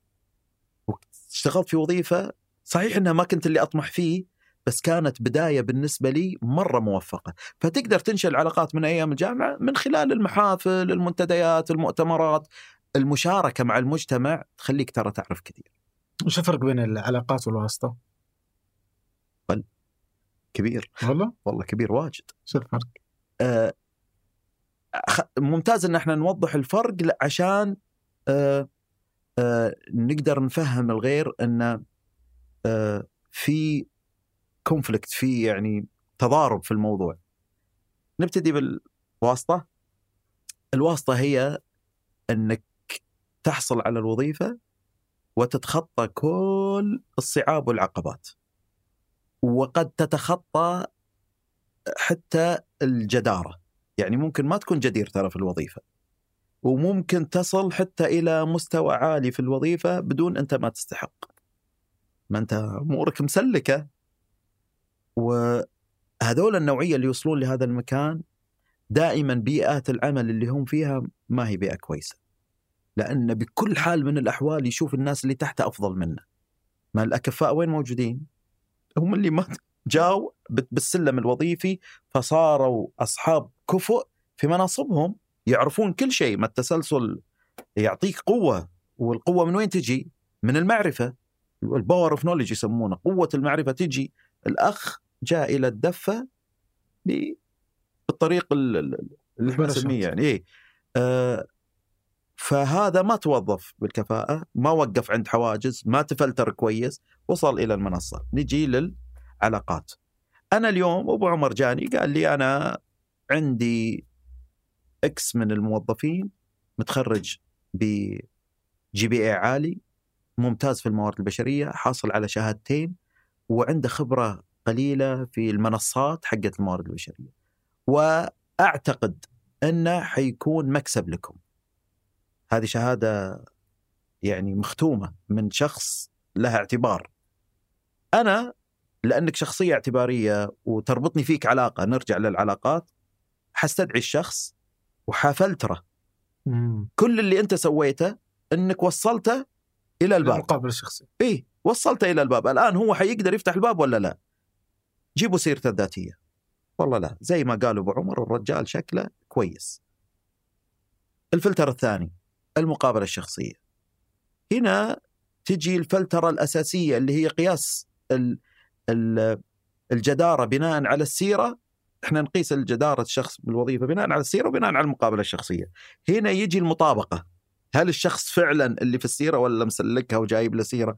فتجي المطابقة عليه، هل هو فعلا هو الشخص المعتبر اللي موجود في السيرة واللي تكلم عنه أبو عمر ولا لا؟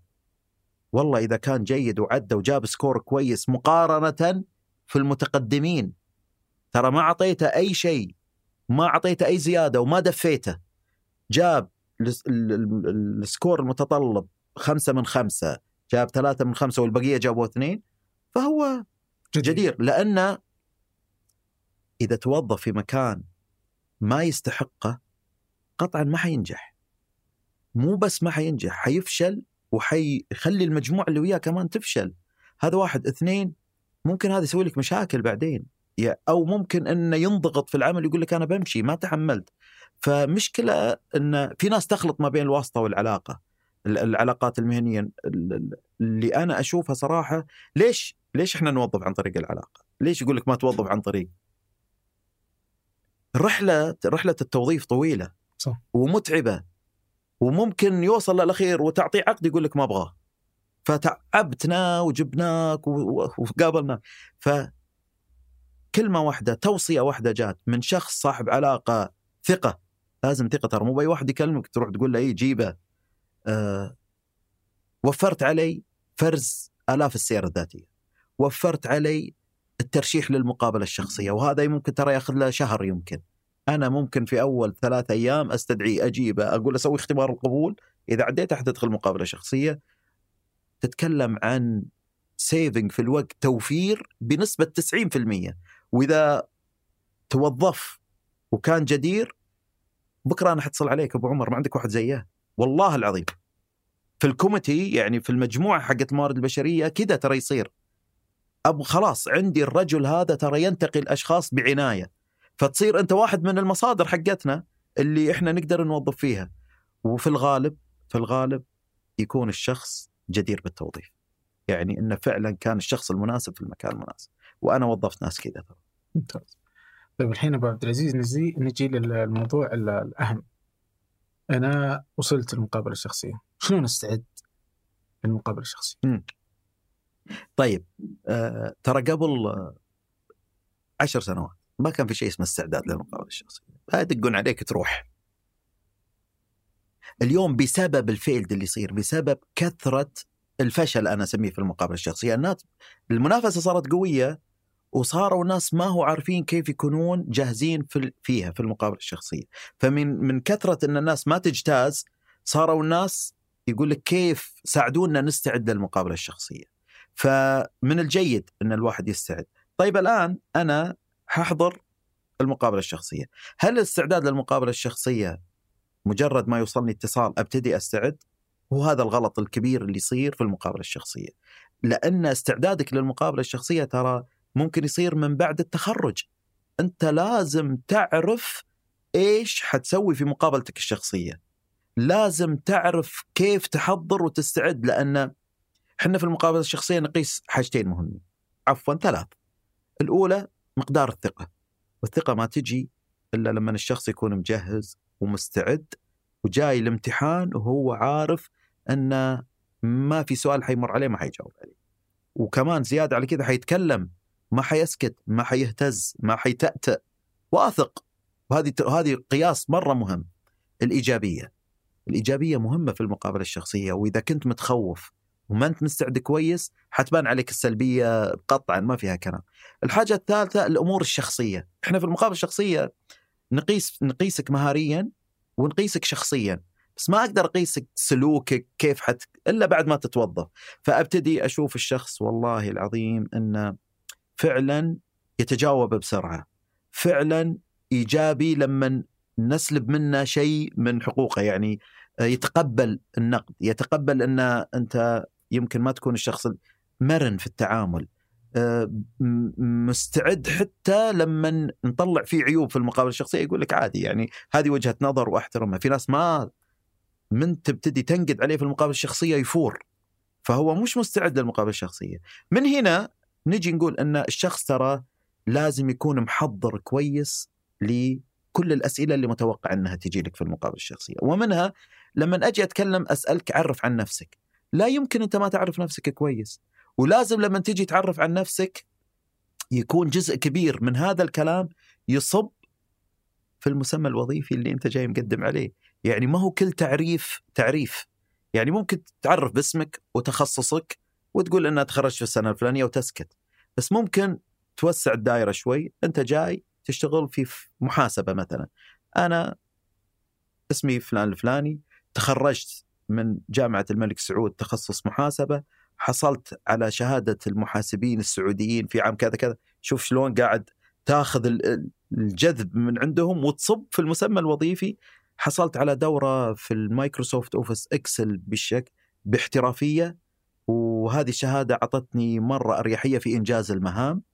وواحده من أهم المنجزات اللي أنا اشتغلت عليها اللي هو مشروع التخرج اللي ساعدني إن أنا أطور في المحاسبة. تعريف. ممتاز. بعد ما يخلص إحنا نصفق له. يعني مستعد وواضح ومركز على نقاط القوة. فهذه جزئية مهمة.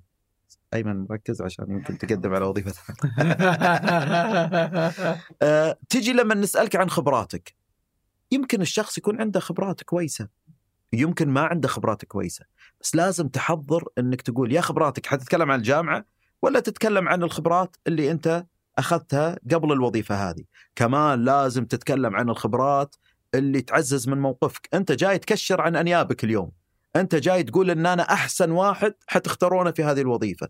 فلما تحدد لك نقاط قوة تتماشى مع المسمى الوظيفي أنت قاعد تحطهم في الفريم ما تبغاهم ما تبغى تشتتهم ما تبغى تطلعهم. ومجهز كل نقطة حتتكلم عنها بأريحية. حيسألونك يمكن عن نقاط ضعفك. ما في أحد ما عنده نقاط ضعف ولكن كمان هم الهدف من إنه يسألونك عن نقاط ضعفك. هل أنت تعرفها أول؟ طيب إذا أنت تعرفها هل أنت كانت عندك خطة لتطويرها إنك تتجاوزها؟ بديت؟ يمكن ما بديت ما بعد ألقى فرصة بس أنا عندي نقطة في واحد يقول خمس نقاط. ما حد قال لك قال خمس نقاط. هم قال لنا نقاط ضعفك واحدة. واحدة ثنتين يعني. والله أنا قاعد أطور في اللغة الإنجليزية بشكل كويس والحمد لله بديت وأنا متحسن. ينقصني شوية في بعض المهارات الناعمة اللي المفروض تكون متواجدة في هذا التخصص خصوصا في الم... فأنت عارف جاي تقول ومحضر أصلا ولا أنت متفاجئ. متى تبتدي تقل اجتيازك للمقابلة الشخصية؟ لما تسأل أسئلة بديهية وهم يعتقدون إنك محضر الإجابة أو يسألونك أسئلة في تخصصك اللي أنت جاي مقدم عليه وما أنت قادر تجاوب. فأنت يمكن ما فشلت في المقابلة الشخصية، يمكن اجتزت. بنسبة معينة خلاص جبت السكور، بس ترى في واحد بعدك جاي. يمكن يكون استعداده أفضل منك، يمكن تكون إجاباته مقنعة، ممكن تكون إنجازاته اللي تكلم عنها آه، بشكل إيجابي أكثر من اللي أنت كنت تتكلم عنه.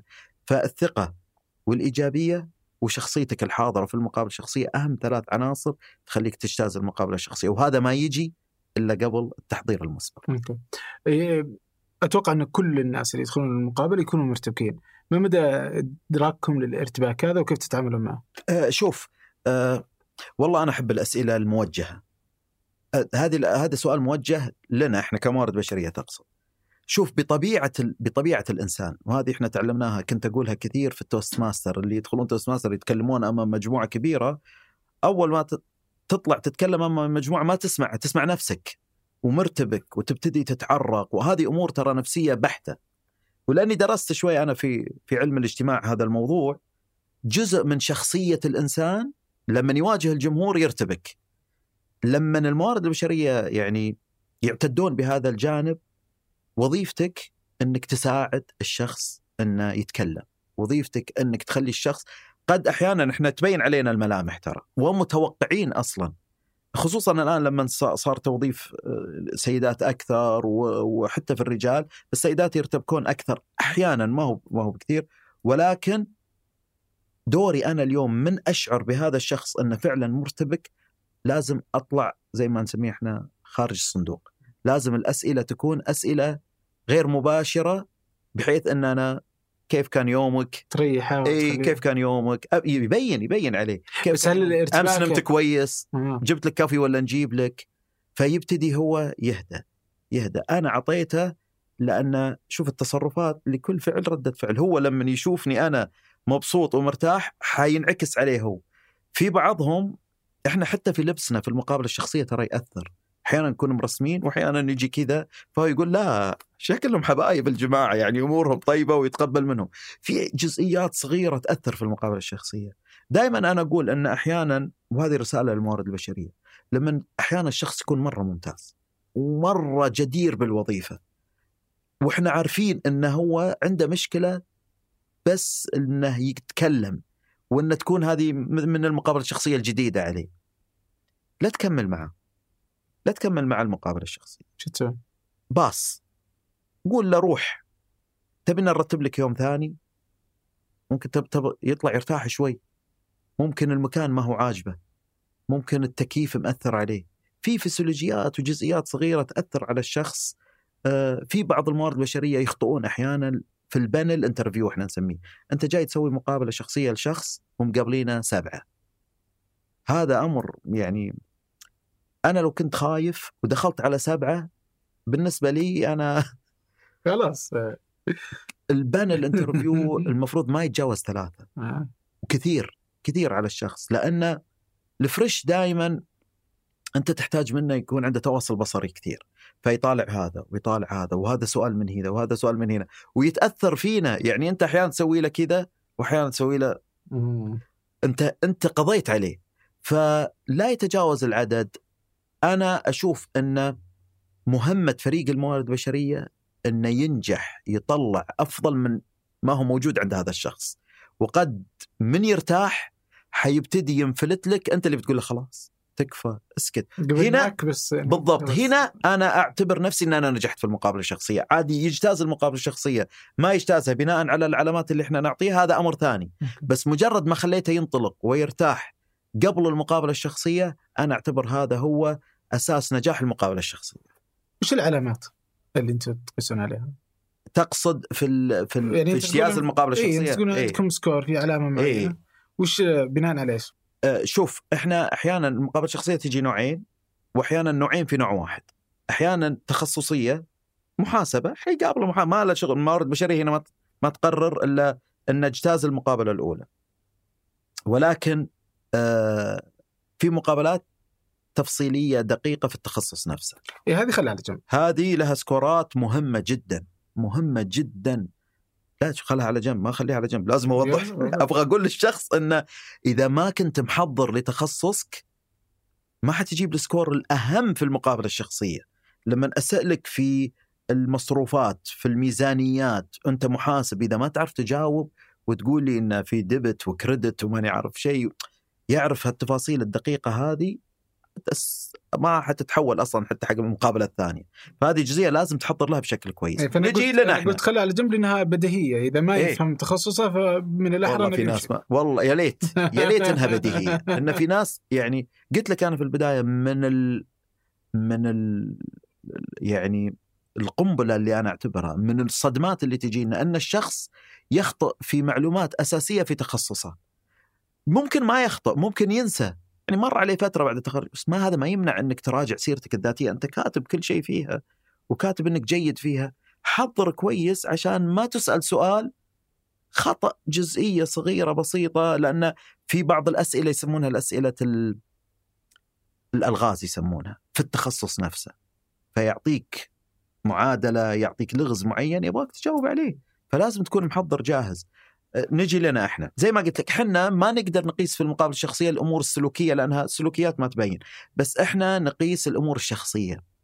أه، في أمور كثيرة نقيس فيها المصداقية. نقيس فيها النزاهة والأمانة المهنية.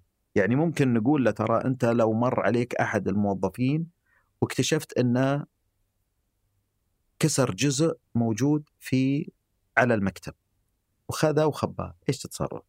يقول لك والله بروح أقول له يعني أنت كسرت هذا الش- الشيء جيب بدالة. جزئيات صغيرة ترى في أسئلة صغيرة نكتشف أنه حريص على ممتلكات الشركة. أنت لو مر عليك أنت في قسم المشتريات اليوم ومر عليك أحد من أقربائك وقال لك إن إحنا نبيع السلعة هذه وأنت في قسم المشتريات أرخص من اللي أنت تشتريها. تقول والله بجيبها. أنا أعرف إن عندك مشكلة في تعارض المصالح. المفروض إنك ترفع وتتكلم تقول أبلغ الإدارة لأن هذا أحد أقربائي وأنت موقع ولازم تعرف إن أي شيء له علاقة بالأقارب لازم انه فأنا أبتدي أقيس إن الشخص عنده مشكلة تترست عنده مشكلة ما نقدر نثق فيه ففي جزئيات وأسئلة صغيرة اندايركت بس ترى تأثر بشكل كبير في المقابلة الشخصية. وهذه من الأسئلة زي ما قلت لك ترى في البداية إحنا ما نقيس إلا الأمانة المهنية والنزاهة وإن شخص آه، يحب هذه جزئية مهمة إن شخص يستطيع إنه يعمل في مجموعة ويتقبل النقد والاختلاف. خصوصا أنت تعرف أبو عمر إن في في مجتمعنا في كثير من العلاقات، في علاقات شخصية، وفي علاقات زمالة، وفي علاقات مهنية. العلاقات المهنية تصنف من أكثر العلاقات المعقدة في مجتمعنا في حياتنا، والسبب إن إحنا مختلفين. أنا وأنت من مناطق مختلفة. آه، مذاهبنا مختلفة، آه، جنسياتنا مختلفة، يمكن أنت ديننا مختلف، أنت ممكن تشتغل مع ناس ما هم من دينتك. فلازم تبين إنك ت... وإحنا نسأل ترى بعض الأسئلة لازم أنت متقبل هذا الاختلاف وإذا ما كنت متقبل لا لا يمكن إنك تعيش مع المجموعة ففي بعض الأسئلة تبين إنك شخص مرن وما عندك مشكلة مع الاختلاف وما عندك مشكلة مع الاندماج لأن الحين صار في اختلاط ما بين الجنسين إذا أنت ما أنت متقبل ويمكن يجي لي سؤال عابر كذا يقول لك والله أنا ما أشتغل في مكاتب فيها سيدات. آه كويس إحنا عندنا مكاتب ترى ما فيها سيدات بس برا الشركة ما عندنا إحنا هنا. فأنت تعرف ما لا ما هذا شخص ما يتقبل الاختلاف. هذا واحد. اثنين. أو إن الشركة يعني مو بالضرورة بس ممكن الشركة فعلا ما عندها يعني في شركات يكون في عندها قسمين مختلفين وفي شركات ما عندها. ف- ممكن. فأنا كشركة ما عندي. إي أنا. أقول لك ممكن ممكن. حتى لو ما عندي إحنا صرنا صرنا مندمجين. عندنا أنظمة وقوانين تحكم هذه الأمور. مو معناها إن إحنا نشتغل مع بعض معناها إن في مشكلة. بس إحنا نجتمع مع بعض ونجلس مع بعض. عندهم مكان عندهم مصلى عندهم كل شيء خاص فيهم بس في شغلنا مع بعض لازم نكون متوجهين هو ما حيتقبل هذا الوضع. هذه جزئيات إحنا نقيس عليها. آه كمان من من الأمور اللي إحنا نقيس عليها إن أحيانا الشخص ما هو مرن. يعني لما نقول له لو حصلت عندنا أزمة في نوبة آخر الليل إيش بتسوي؟ يقول والله إذا كنت صاحي حجيب إذا ما كنت صاحي لا كذا مشكلة. أو صارت عندنا مشكلة وإحنا شغالين اليوم يعني دوامنا ينتهي الساعة 4 وبينت عندنا مشكلة لازم تنحل بعد الساعة 4 والله أنا يعني أحب أشتغل فقط ثمان ساعات. إحنا الحين نشوف في ناس ما ترجع البيت وقت الأزمات إلى اليوم الثاني. وهذا يعطيك انطباع أن الشخص مرن ويتقبل الصدمات ويعرف يحل المشاكل. فهذه الجزئيات ترى كمان تقاس في المقابله الشخصية. هذا لا يعني أنكم تقولون أنه يبغى يشتغل 24 ساعة طول لا، الحياة لا، لا، بس أنه وقت الأزمات تختلف الحياة السؤال اي السؤال أنت مش السؤال أنك تشتغل 24 ساعة ولا 12 ساعة. السؤال أنت في وقت تتعامل؟ الأزمات كيف تتعامل معاها منطقي ففي أمور يعني زي ما قلت لك indirect يعني غير مباشرة بس ترمي في مكان معين. ممتاز. طيب أنت قلت قبل شوي العلاقات. آه، فودي أخذ العلاقات على جزئين. كيف آه، تكون كيف الشكل المثالي لعلاقتي؟ آه، الان توظفت أديت كيف تكون علاقتي مع زملائي؟ هل هي علاقة عمل علاقة صداقة؟ وش الإطار المنطقي والطبيعي لها؟ شوف كنت أتكلم معك عن العلاقات المهنية. هي معقدة كثير يعني لأن. إحنا مختلفين بطبيعتنا ونحتاج نتقبل هذا الاختلاف. ال- العلاقات المهنية ممكن يكون لها حدود وسقف معين أه، الشخص يحط له مسافات. يعني أنا هذا مسافي هذا حدودي يعني ما أحب أتجاوز ولا أحب أحد يتجاوز علي. وهذا هو حدود الزمالة المهنية من نطلع من برا العمل إحنا تقريبا انتهى كل شيء بيننا ونرجع لليوم الثاني ولكن في بعض العلاقات يصير في آه، توافق أفكار يصير في تقارب سني ما بيننا في يصير في اهتمامات وهوايات عندنا تجمعنا مع بعض. فمع مرور الأيام تتحول هذه الزمالة إلى صداقة صداقة يعني كبيرة. أنا كثير تربطني علاقات مع زم... صداقة مش زملاء أكثر من زملاء. أكثر من إخواني اليوم هم. أثر علينا حتى في بيوتنا عوائلنا يعني إحنا أطفالنا صاروا قد بعض فكنا نطلع مع بعض نتمشى. اضافه كذا زوجاتنا صار بينهم علاقات يعني تعرف آه، لما تصير آه، تشوف آه، أهلك في البيت يشوفون إن أنت قريب من شخص يتبادلون الهدايا في المواليد في رمضان يتبادلون السفر. والله في وجبة معينة في أهل الشمال يسوي يحبون أهل الحسا نغصه إحنا نسميها النقصه إحنا نسميها فتتطور العلاقة وتبقى حتى بعد ال- الرحلة المهنية وهذه موجودة وأنا عشتها ولي زملاء كثير ولي وأعرف ناس لهم تجارب كثير لهم ملتقيات تصير حتى بعد بعد الدوام. وحتى لما يتفرقون في ملتقيات تجمعهم تواصل صارت الحياة أسهل الآن. ولكن أنت من يحدد هذا الشيء. okay. كيف اكسب زملائي؟ وأنا موظف جديد والله أحب هالسؤال هذا كثير. إنك عشان تكسب الزملاء لازم تكون عندك بعض المهارات. وأنا أقيسها على المهارات الناعمة اللي تصير عند الشخص عشان يكسب اصدقائه. أه، بطبيعة الحال أنت لما تدخل أي منظومة جديدة أو أي بيئة عمل جديدة حي حيقيسون مدى مرونتك وتقبلك لهم والاختلاط والاندماج معاهم. هذا الشيء إيش محتاج؟ محتاج أول شيء احترام. إذا أنت أظهرت الاحترام لزملاء العمل فعل وردة فعل. أنت محترم ناحية فعل. أنت حتتجاوز ما حد حيقرب منك. فالاحترام مطلوب في بيئات العمل عشان تقدر تبني علاقات مرة كويسة. هذا أول أساس. إحنا عندنا مبدأ في الشركة مش مبدأ مبدأ. أول ما تدخل باب الشركة تقراه. اسمه أظهر الاحترام. مش تحترم. أظهر هذا الاحترام. لازم نشوفه في كل تصرفاتك اليومية. وهذا مبدأ كبير محطوط على بوابة أول ما تدخل. الشيء الثاني وهذه واحدة من أكثر المهارات الناعمة اللي إحنا نفتقدها ترى كثير الاهتمام أن أنا أهتم بزميل العمل إذا عندي عندي مهارة كويسة أعلمه وإذا هو عنده مهارة كويسة يعلمني الأخذ والعطاء في بناء العلاقات المهنية ترى مرة ممتازة هذا واحد اثنين إن إحنا نتبادل الخبرات السابقة والخبرات الجديدة. أنت تعرف أحيانا في بيئات العمل كل واحد يصير مرجع في جزئية معينة، تبي واحد في. في. في صناعة المحتوى أدق واحد، تبي واحد في التقديم أبو عمر. هو أحسن واحد معروف في التقديم، تبي واحد في التواصل والعلاقات أيمن، فكل واحد مرجع. أنا أحتاجك اليوم. أنا جيت موظف جديد. أبغاك وفي العلاقات. والله عندي الموظف هو اللي يقدر يدربك ولا. أنا اليوم جاي من من بيئة ثانية. ترى أنا أعرف علاقات في منطقة أنت ما تعرفها، إيش رأيك؟ إن أنت تستفيد وأنا أستفيد؟ فالعطاء والاهتمام وال... وت- وتبادل الخبرات هذا جدا مهم. في جزئية بس أبي أركز عليها على الاهتمام، أحيانا بعض الموظفين يمرون بظروف يعني يمر ظروف خارج العمل. يبتدون الشباب داخل العمل يهتمون فيه. يعني أنت ارتاح إحنا حنغطيك. أنت تحتاج إن إحنا نساعدك وأنت في مشكلتك حنجي ندعمك. أنت تحتاج إن إحنا أحد يتواصل معك باستمرار جزئية الاهتمام وهذه واحدة من اللي قريتها في في كتب كثيرة في علم في علوم الإدارة إن بناء العلاقات في بيئة العمل تحتاج اهتمام وعطاء. حط تحتها خطين. كثيرين بعض الموظفين يجلس على مكتبة من يدخل الساعة 8 ويطلع ولا يعرف ولا يعطي وإذا جيت تتكلم معاه أنا مشغول أنا.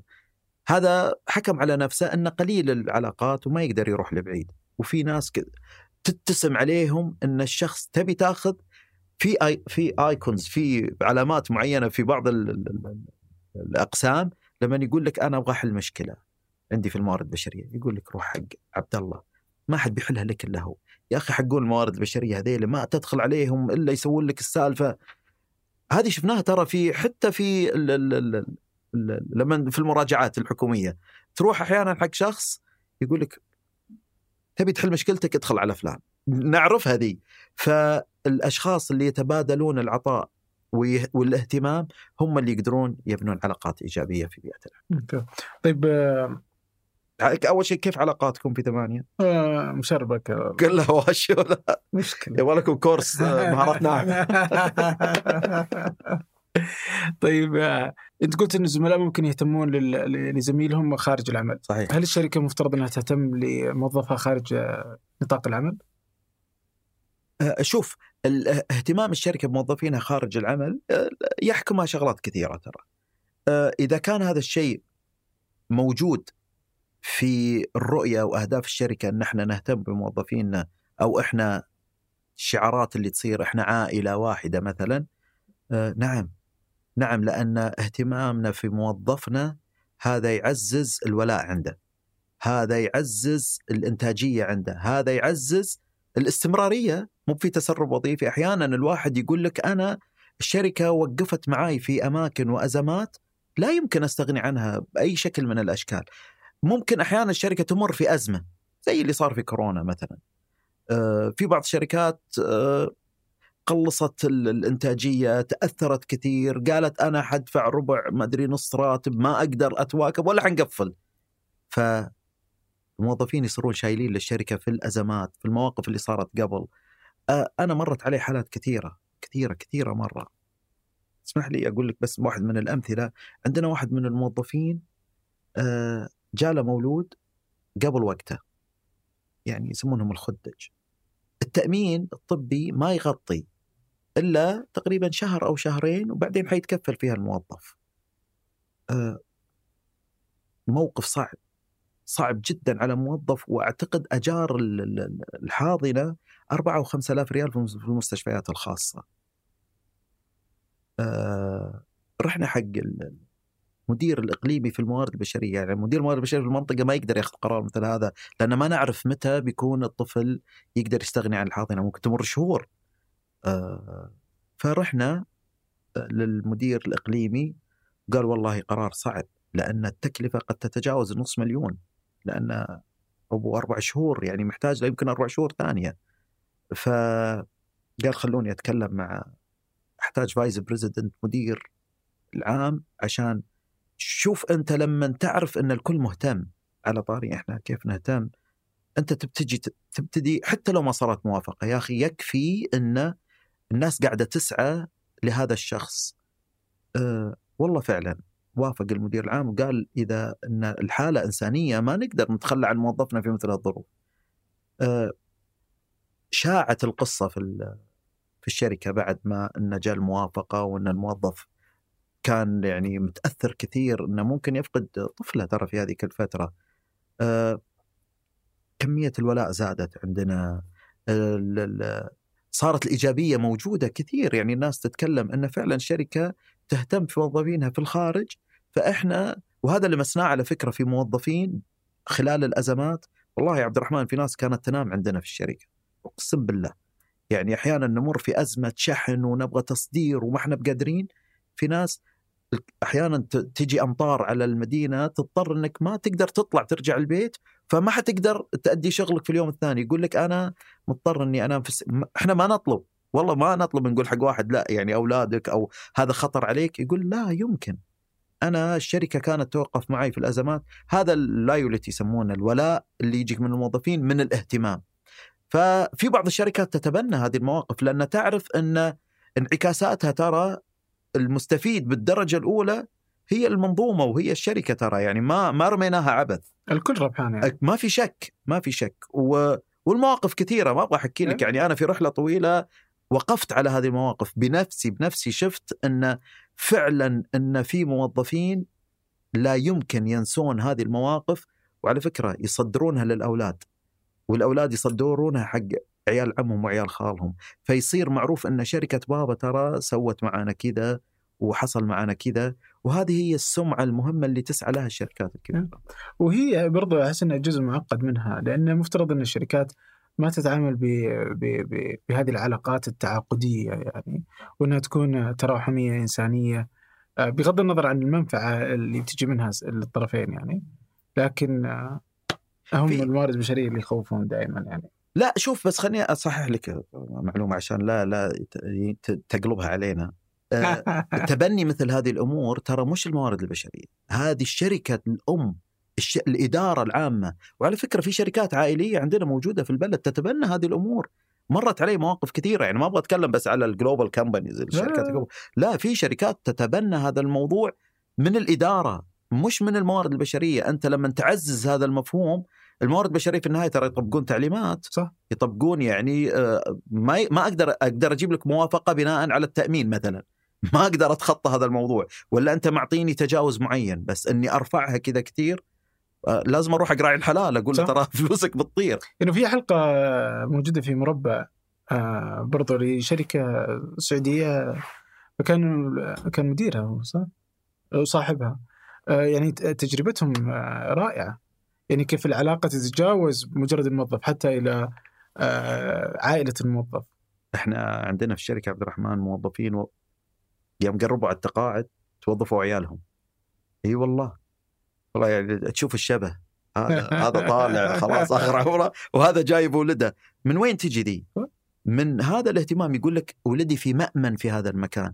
وزي ما قلت لك ترى هذا مش منطبق على شركات إحنا عندنا في المملكة في شركات كبيرة. وحتى شركات عائلية تتبنى هذه المبادئ. طيب آه، هل من المنطقي آه، والصحي للموظف إنه يستمر في شركة واحدة فترة طويلة؟ ولا إذا طول أكثر من أربع سنين مفترض إنه يلقى له وظيفة ثانية عشان تجربة جديدة؟ أه والله شوف هي لها معطيات كثيرة. إذا أنت أه عندك مقومات معينة أهداف وخطط أنت راسمها لنفسك أه بناء عليها تقدر تاخذ القرار. بمعنى إنه اليوم أنا قاعد أتطور وظيفيا وقاعد أتطور مهنيا والمنظومة اللي أنا قاعد أشتغل فيها قاعدة تعاملني بالمثل يعني أكيد اليوم إحنا بعد عشر سنوات ما إحنا قبل عشر سنوات فما دام الشركة تكبر وأنا قاعد أكبر معاها وهذا شيء قاعد يعطيني حسب متطلبات السوق فأنا ما يمنع إن أنا أستمر يعني في في هذا المكان وأكمل رحلتي المهنية. فالموارد البشرية ما تشوفها عيب آه، استمرار موظف فترة طويلة مثلا 10 سنين 15 سنة في سنة في شركة واحدة؟ لا لا لا لا طالما إن لما تقرأ السيرة الذاتية وتشوف البوزيشنز أو إن المناصب اللي تقلدها منطقية آه، يعني مقارنة بسنين العمر اموره طبيعية بس لما أشوف واحد قاعد ينتقل على يعني سلم واحد. سلم واحد بدون ما يكون فيها ابجريد إحنا نسميهم. أنت أكيد إيش قاعد تسوي كل هالمدة؟ هنا الخطأ. هنا يبتدوا الموارد البشرية يدققون عليك. إيش قاعد تسوي 15 سنة في مكان واحد؟ معناها ما تطورت. معناها أنت ما زادت مهاراتك. ومعناها أنت اللي اللي اشتغلت فيه في البداية أنت موجود عليه. فأنت ما تفيدني بعد عشر سنوات.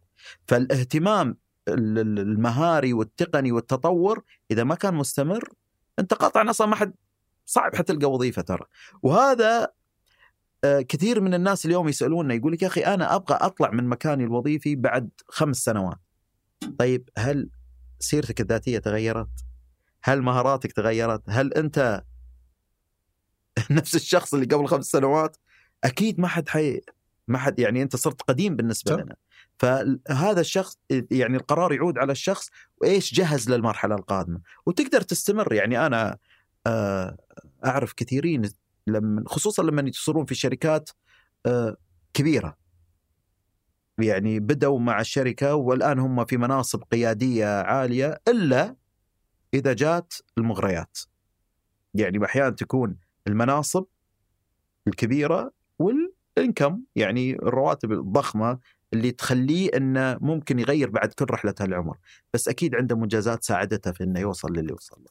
لأن أحيانا في بعض الشركات ترى يوصل لمدير عام بس خلاص ما عاد في شيء زي ما عاد في يعني ما في شيء اعلى منه اي اي ما في مثلا vice president يعني ال ال ال أو COO شغلة زي كذا. آه، فيبتدي خلاص يتوجه إن أنا سويت كل شيء في هذا المكان جاء الوقت للانتقال إلى المرحلة اللي بعدها. فبس التسلسل مهم نعم. ويعطي دلالة إنك إنك يمكن ما عندك هم تطوير نفسك حتى. لما إيه. تقعد فترة طويلة في نفس المكان ونفس يعطي. دلالة إن أنت إنسان غير آه، آه، أنت careless يعني. مم. أنت إنسان غير مهتم وغير متطور ولا تحب أصلا إنك تتطور. وفي فيك في ناس كذا أصلا في ناس كذا تقول لك أنا يا أبوي ما أبي أتطور ولا تقرب. إي والله ولا تقرب مني ولا تعطيني مسؤوله ما أبغى أخذ أي مسؤولية.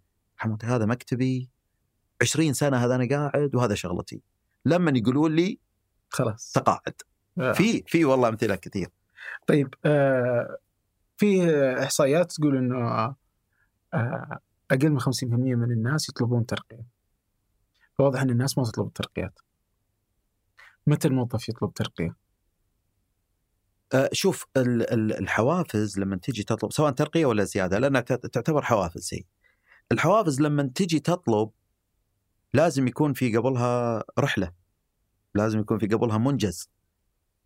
قبل كذا أنت المفروض ما تجي بداية السنة إلا أنت عندك أهداف. يعني جلست مع الإدارة، مع مديرك، مع القسم إن أهدافنا توزعت علينا وإن حنجي في آه، آه، نهاية السنة حنقول مين اللي أنجز الأهداف ومين اللي أنجز أزيد يعني اللي فاق التوقعات وحقق منجزات يعتد فيها. يعني مو منجزات تقول لي غيرت المكاتب من هنا لهنا لا. وفرت على الشركة ملايين. حققنا مشروع كان المفروض ينجز خلال ثلاثة شهور جبناه في شهر. سو يعني سلسلة الإنجازات الس- خلال السنة وهي رحلة مستمرة نهاية السنة أنا أدخل وأطلب رأسي مرفوع. إحنا حققنا لاهدافنا وف- وأزيد من أهدافنا في في توقيت قبل اللي كان مخطط له. هنا تطلب زيادة تطلب حوافز ولكن لازم تعتد بشغلة مهمة. إنك لازم تتماشى مع أنظمة الشركة اللي أنت فيها. يعني في بعض الشركات لأنه هو مش إجباري ترى. ما تقدر تجبر الشركة تقول تعالوا أعطوني زيدوني رقوني. لأن لازم تكون منطقي. ما نبغى يعني نتكلم بحماس وندفع الناس بكرة يروحون يطلبون ترقية وزيادة. هل في شواغر موجودة؟ يعني هل أنت شايف مكان بمستوى أعلى من مستواك؟ هذا واحد. هل أنت جدير إنك تمسك هذه المسؤولية؟ لأنك لو وصلت وما كنت قد المسؤولية السقط قوية حتجي عليك. يعني حتتأثر كثير لو قالوا رجعوه. سوى لنا مشكلة كبيرة. فهذه من الأمور اللي لازم تتحقق منها قبل لا. موضوع الزيادات. أنت حققت وعندك منجزات وفعلا بس هل أنت اليوم الشركة في اللوائح حقتها تصرف زيادات بشكل سنوي أو بشكل سنتين. في شركات ترى إحنا عندنا في الشركة ممكن تصل كل ست شهور يصرف لك زيادة. إي والله إذا كنت إنجازاتك خارق يعني وأنقذت الشركة من مشاكل أو حققت مشروع كان المفروض ياخذ سنة جبته في ست شهور ممكن تشوف العجب. في شركات يعني هو على حسب لوائح الشركة الداخلية. أيوه في فلازم تكون منطقي في طلباتك. لما تجي ت... واحد يجيني يقول أبغى ترقية وأنت لا حققت أهدافك ولا ساعدت المجموعة في تحقيق أهدافها ولا قدمت لنا ولا خدمة صغيرة خلتنا نتطور عن السنة اللي راحت. ما لك حق. ما لك حق تطلب هذه الزيادة لأنها ما ما في أي إضافة. أه وال- والترقية نفس الشيء. قبل لا تطلب زي ما قلت لك لازم تكون متأكد إن في مكان للترقية. لأن أحيانا إحنا مثلا عدد ال- ال- المدراء خمسة وعدد ال- اللي, اللي تحت المدراء عشرة. واحد من المدراء صار مدير عام فصار في شغل وظيفي واحد. ما أقدر أرقي من العشرة إلا واحد صح. وحختار الأفضل واللي حقق أهداف ومنجزات ويتحمل مسؤولية. بس ما أقدر أرقيكم كلكم لأن حسب الهيكل الوظيفي اللي قدامي في واحد. ممكن السنة الجاية يكونون اثنين. ممكن السنة اللي بعدها ما يكون في ولا أحد لأن ما في مكان. فالترقيات محكومة. بلوائح وأنظمة بالشواغل والزيادات والشواغر والزيادات محكومة بالميزانيات القسم. هل في هل في منجزات؟ هل تستحق؟ حتاخذ. أوكي. طيب آه، أغلب الناس آه، ما عندهم مهارات أو لا يرغبون أنهم يكونوا مدراء. وفهمت من كلامك مثلا ويبدو إنه هذا طبيعي إنه أنا عشان اتطور مهنيا أو انه يزيد راتبي لازم أكون مدير. طيب أنا ما أبغى أصير مدير. شوف آه، إذا ما تبغى تصير مدير ممكن ما عندي مهارات إدارية لكني أنا آه، ما أعرف والله ميكانيكي جيد يعني أو عندي قدرات في الهندسة الميكانيكية أو معماري رائع أنا أحب أرسم. آه، أبغى أصمم بس ما أبغى أدير ناس تحتي. إيه، شوف لا هو مو شرط إنك تكون مدير عشان إنك إنك تحقق منجزات بس عشان تكون مدير لازم تكون مدير على إدارة. المدير محكوم بالإدارة. أنت يوم من الأيام الحين المدراء من وين جاوا؟ ترى ما جاء مدير من فراغ، المدير جاء بتسلسل هرمي واضح في الكارير باث حقه، أنا أعرف إني حبتدي ميكانيكي مشرف الميكانيكيين مدير قسم الميكانيكا. بس أنا ما أبغى أصير مدير. ما تبغى تصير مدير خليك مكانك ولا تطلب لا زيادة ولا ترقية. ليش؟ لأن حتوصل لمرحلة مسؤولياتك محدودة. ما شلون شلون تجي الزيادة؟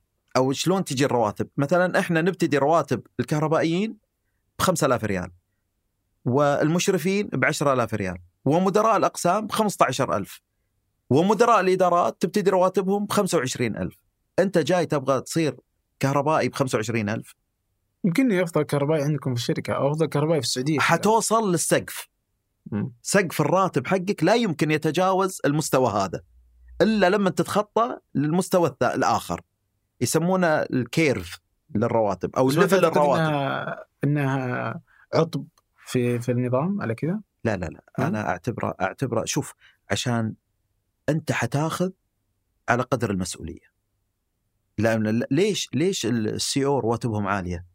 لأن قرار واحد ممكن يفلس الشركة. صح. فمسؤولياته كبيرة. وهذا ترى يشتغل في اليوم يمكن أكثر من 24 ساعة. اليوم 24 ساعة ويشتغل أكثر من 24 ساعة. لأن خطره وظيفته. فهذا لا يقبل انه يتوظف في وظيفة إلا براتب مجزي. مسؤوليته كبيرة. هل هذا قارنة باللي كل يوم يجي يربط لي مسمار وذا ويقول لي تعال أعطني زيادة ولا ميكانيكي زي ما أنت تقول؟ أنت حكمت على نفسك إنك تكون بس ميكانيكي. أنا بتخيل معك يعني أفرض إني يعني ميكانيكي إيش حتسوي لا أكثر من ميكانيكي لأنه ميكانيكي يمكن يربطك في في زاوية محددة. بس خليني أخذ مثلا مثال. إذا افترضنا مصمم معماري أوكي؟ زي زها حديد مثلا. أنا أقدر أصمم لك أفضل مبنى أنت تقدر تبيعه أنت روح بيعه روح أدير الناس. خلني أصمم أنا ما أبغى أسوي شيء ثاني. أه. ليش تخليني أدير الناس؟ أنا ما عندي مهارات إدارية. طيب أنت فهل معقول إني ما أكون ما أقدر آخذ فلوس لأني ما أبغى أصير مدير؟ إي لأنك ما بغيت إنك تتحمل مسؤولية أكثر. لأن أنت إذا مصمم كويس ومعماري كويس لازم تكون رئيس المعماريين. بس يمكن بس تدري إنه يمكن يعني مو كل الناس قادرين على الإدارة. صحيح يعني صحيح مهما علمته يعني في ناس انطوائيين أو إنه ما يحب عمر ترى الإدارة هي مهارة يعني تتطلب منك إنك تكتسب مهارات وهذه تجي ترى مع الخبرة، إحنا ما وصلنا مدراء ترى يعني كذا نمنا صحينا ولا بعد خبرة معينة. آه في مهارات اكتسبناها وفي مهارات تدربنا عليها. ما في واحد ترى يجي يقول لك أنا ترى بنفع مدير وأقود مجموعة. يعني managers of others يسمونها قيادة الأفراد، ما في أحد كذا، ولكن كنا مشرفين في البداية. يعني مدير على مدير قسم العلاقات معي فريق. عرفت أدير اثنين ثلاثة. بعدين صرت مدير الخدمات في الموارد البشرية. زاد العدد. صح. بعدين صرت مدير موارد بشرية. زاد العدد. ال- ال- اللي يحكم على نفسه إنه ما يبغى يكون مدير إدارة آه، لأن مسؤولياتك قليلة. ما نقدر نعطيك راتب كبير. حتى لو أنت كنت عبقري زمانك في قسمك. مستحيل. مستحيل. على قدر المسؤولية حتاخذ الراتب. يعني الحين أنا وزير وهذا جاي في الوزارة. أنا صار لي سنة بس وزير. قراراتي مأخوذة وتعد بعين الاعتبار وخطرة. تشكل يعني موضوع كبير. وهذا صار له بالوزاره 20 سنة في نفس المكان. كل ما جينا الرقيق قال ما أبغى. تعال تحمل مسؤولية ما أبغى. دير أفراد ما أبغى. لا يمكن. مسؤولياتك قليلة حتاخذ عليها. وهذا هذا شيء ترى أنت ما أدري إذا تشوفه سلبي ولا لا بس هذا شيء إيجابي يعزز التطور في الرحلة المهنية الناس شو اللي يحفزك إنك تتطور؟ إن أنا أبغى أوصل إلى مناصب عليا في في الهيكل والسلم الوظيفي. كيف أوصل؟ لازم أكتسب مهارات وخبرات وقدرات ومسؤوليات. في النهاية تبي تصير مكاني أنا اليوم مدير، أنت تبي تصير مكاني خليك قد المسؤولية. لازم يكون عندك مهاره الاحترافية في العمل. لازم تعرف تحل المشاكل، لازم تعرف تدير الأزمات، لازم تعرف تدير الأفراد. عندك المهارات هذه؟ لا. إذا طورها. بكرة في اليوم من الأيام أنا حمشي في مكان ممكن أعلى، ممكن نفسه، مو أنت حتجي مع مكاني، عشان كذا لو تلاحظ في الرحلة المهنية ممكن في أحد من موظفينك اللي أنت جبته وترقى يصير زميلك نكون كلنا في نفس المستوى لأن في ناس اهتمت إنها تطور من المهارات القيادية عشان يقدر يمشي في الرحلة المهنية. وهذا حافز طيب ترى. تخيل إن أنت تجيك زيادة كل سنة 3000 ريال 2000 ريال وأنت في نفس المكان. تخيل إن إيش الإبداع اللي حتقدمه أبوي زيادة مضمونة ها؟ وأنا جالس أأدي كل يوم نفس الشغل. ما في ما في أي إبداع ما في أي يعني ابتكارات. لأن لما يكون الشيء مضمون صدقني المنظومة عمرها صغير. okay. وحتفلس. يعني آه يمكن أنا يعني بختلف معك شوي لأني أتوقع إنه يختلف يمكن في المجالات الإبداعية. يمكن لأنك أنت بتحتاج يعني هو يطور مهاراته في, ال... في ال... يعني هو ما يجي يسوي هو كل يوم بيبتكر لك آه فكرة فيلم جديد. فهو فهي هذه مهارته اللي أنت الشركة تقوم عليها ممكن يعني. ف... فليس بالضرورة للمدراء يعني ممكن يكون هو راتبه أعلى من المدير حتى. ممكن إيه. ممكن. شوف خليني أقول لك شيء. ال- المحترفين في العمل عشان الإبداع تدري شو يسوون؟ على سبيل المثال جوجل. جوجل عندهم ناس حتى غرف نوم عندهم في مكان العمل عشان يريحونهم دماغيا ويبتدي صافي الذهن. يعطونهم by percentage يعني ياخذون بنسبة من الفكرة اللي هو جابها. يعني صحيح أنت ما حتكون مدير أنت مبرمج وعمرك كله حتقضيه مبرمج بس كل ما جبت فكرة إبداعية وبعناها لك نصيب فيها. فيبتدي هو. هذه هي الطريقة اللي يمكن أنت تتكلم يمكن عنها. بس الهرمي حوافز تختلف من شركة لشركه إيه. فما في شك. طيب آه يبقى آخر حاجة اللي هي علاقة الموظف مديره متى تكون يعني كيف يحكمها؟ تبقى علاقة جافة رسمية طيح الميانة؟ وش الشكل المثالي لها؟ لا شوف هي ما توصل إنك تطيح الميانة يعني. ولكن والله يعلم الله شوف أنا مروا علي مدراء وصلوا إلى مرحلة من العلاقات إلى أكثر من إخوان. لأن إحنا سمحنا لبعض إن إحنا نبني علاقة كويسة. وقفنا معاهم في أزماتهم ووقفوا معنا في ازماتنا. آه، أنا يعني واحد من المدراء اسمه أستاذ ماهر آه، ماهر المقبقب تحديدا عشان أقول اسمه إنه أنا مرة تنوم الوالد في في في المستشفى وما ما كان عندي رصيد إجازات.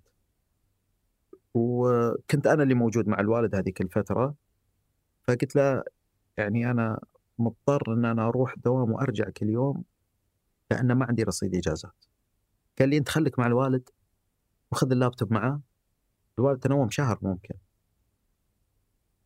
ولا تجي الدوام إلا لما يطلع من المستشفى.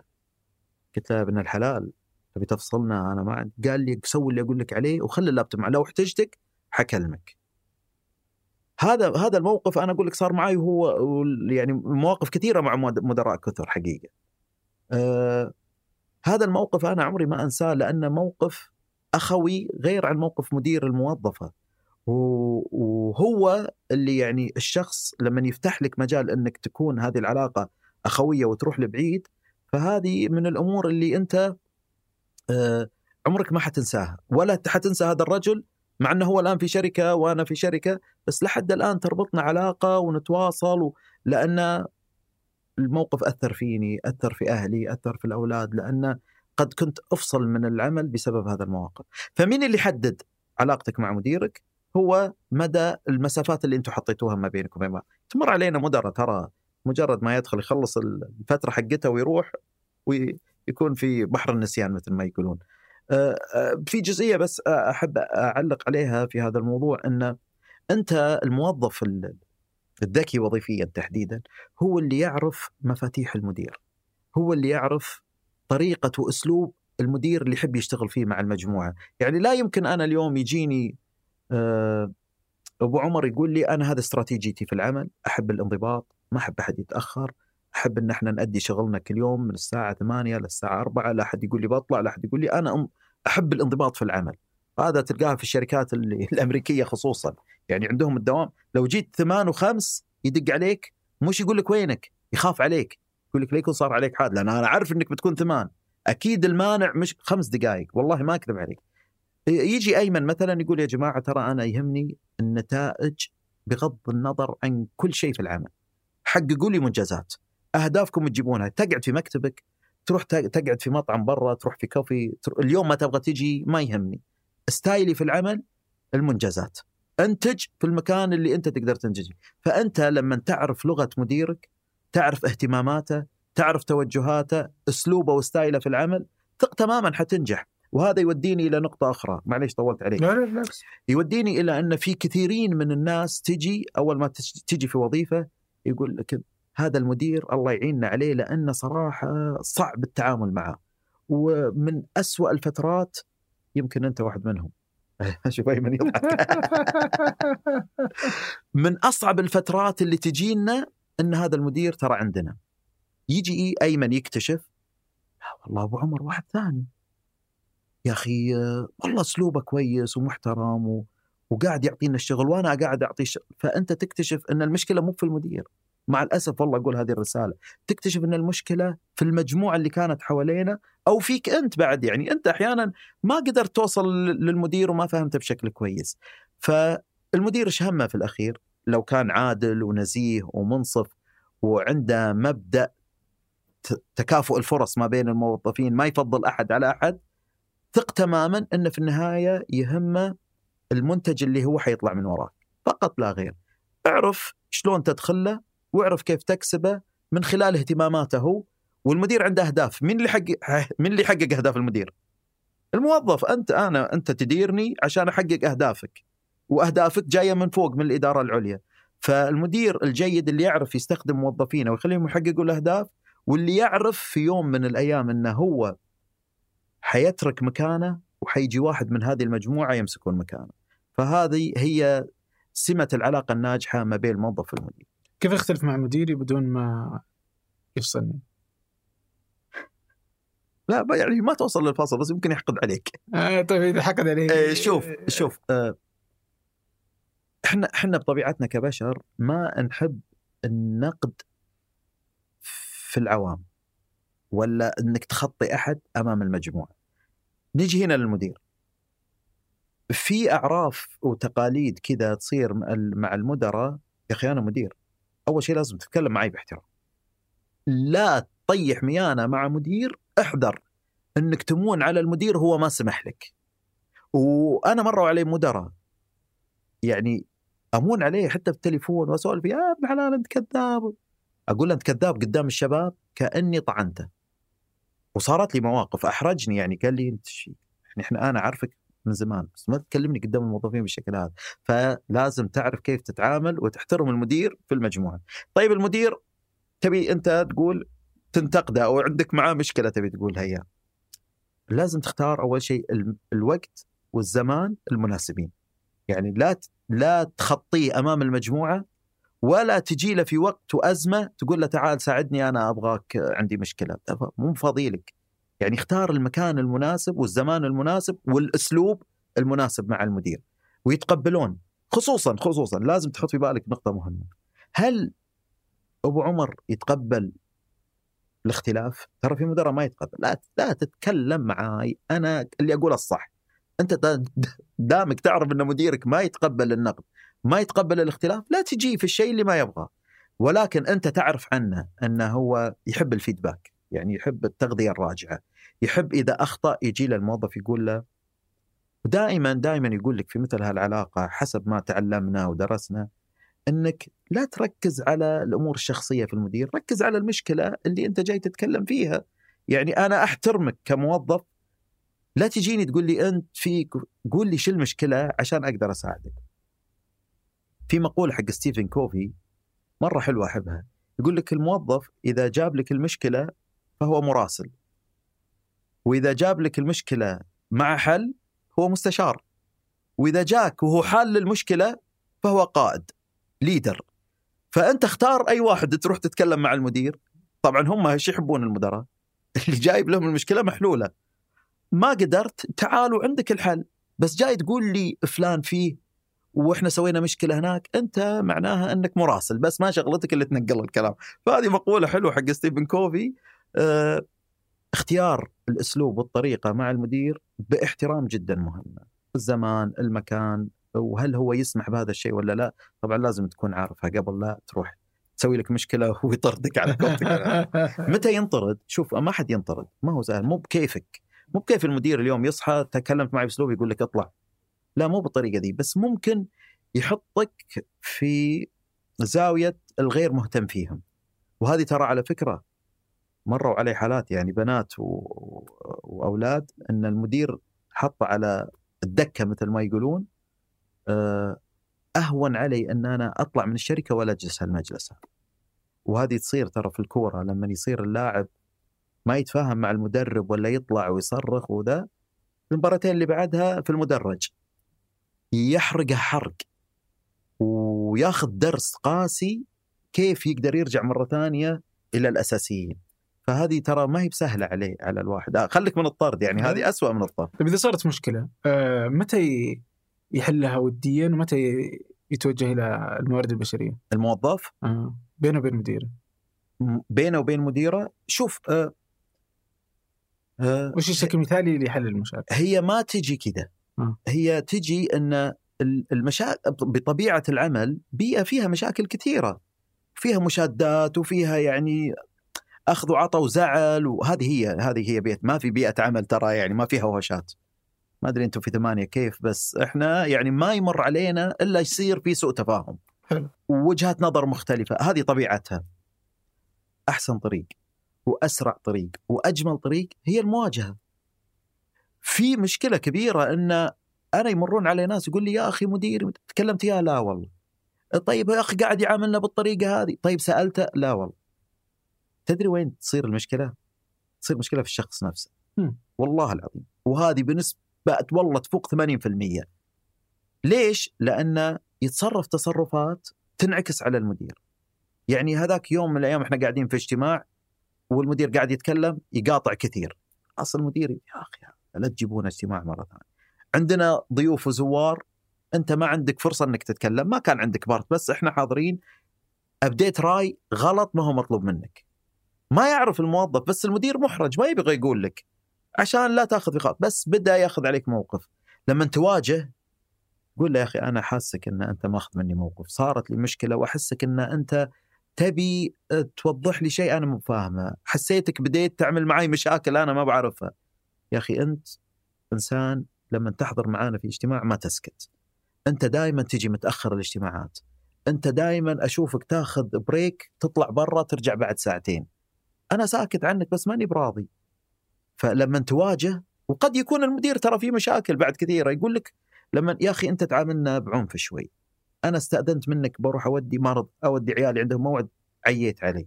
أنا أحيانا حسيت إن في فرصة تدريبية أبغى أخذها أنت ما أعطيتني إياها. يقول المدير والله ما, ف... ما ما ما كنت منتبه أو ما كنت عارف أو فكرتها الموضوع عادي بس حزت في خاطرك. فالمواجهة أفضل وأسرع طريقة لحل المشاكل. بس إحنا ما نتجرأ نتكلم ويا المدراء مع إنه هو أحيانا المدير يتغير 180 درجة لما تواجهه ويعرف مشاكله. متى أروح الموارد البشرية؟ الموارد البشرية موجودة عشان تطبق اللوائح والأنظمة. لما يصير المدير يتجاوز حدود المهنة. بالألفاظ بالتصرفات يعني ألفاظ مثلا تكون ألفاظ غير سوية يتجاوز ال ال إحنا نسميها الشللية في العمل يعني عنده ناس يفضلها على ناس هذيلي من منطقته وهذيلي مش منطقته هذيلي من جماعته وهذيلي مش من جماعته. هذا معناه إنه في في في بدأ يدخل في مسألة التحزبات إحنا نسميها. واضح إنه يميل للمجموعة على مجموعة. وإن الترقيات والزيادة في مخالفات واضحة وصريحة. هنا لازم تتحول الموضوع إلى الموارد البشرية لأن لو تركته حيتمادى كثير. وأنت حتخسر كمان كثير. فلا هنا ما ينفع تقعد وياه لو جلست معاه حي يزيد الطين بله مثل ما يقولون حي يحجمك أكثر بعد من اللازم. فلازم تروح تتوجه للموارد البشرية لأن في تجاوزات حسب الأنظمة واللوائح في الشركة أن تجاوزات وش وال وال وال والحبية والشللية وال والألفاظ و- ولو لا قدر الله صار حتى في آه، ادبيا ما قاعد يتعامل معنا بأدب فلازم تتدخل الموارد البشرية وتجلس مع المدير المباشر عشان توضح له جزئيات قد قد تتسبب في انه يتم الاستغناء عنه من العمل لأن ما بعد الأخلاق شيء ترى. وما وصلنا حقيقة لهذه المرحلة ليش؟ أركز بس على هالجزئية. لو المنظومات والشركات كانت تثقف موظفينها باستمرار في هذا الجانب، بمعنى أنه اليوم إحنا ترى أي تجاوز آه، أخلاقي في في المهنة هذا يؤدي إلى الفصل، عمره ما حد حيتجاوز بشكل مستمر، يعني أنت كل ست شهور تنبه وتحذر وتجمع الناس أو ترسل إيميل. يا جماعة نعيد صياغه رسالة عدم التجاوزات الأخلاقية على الموظفين يؤدي إلى الاستغناء.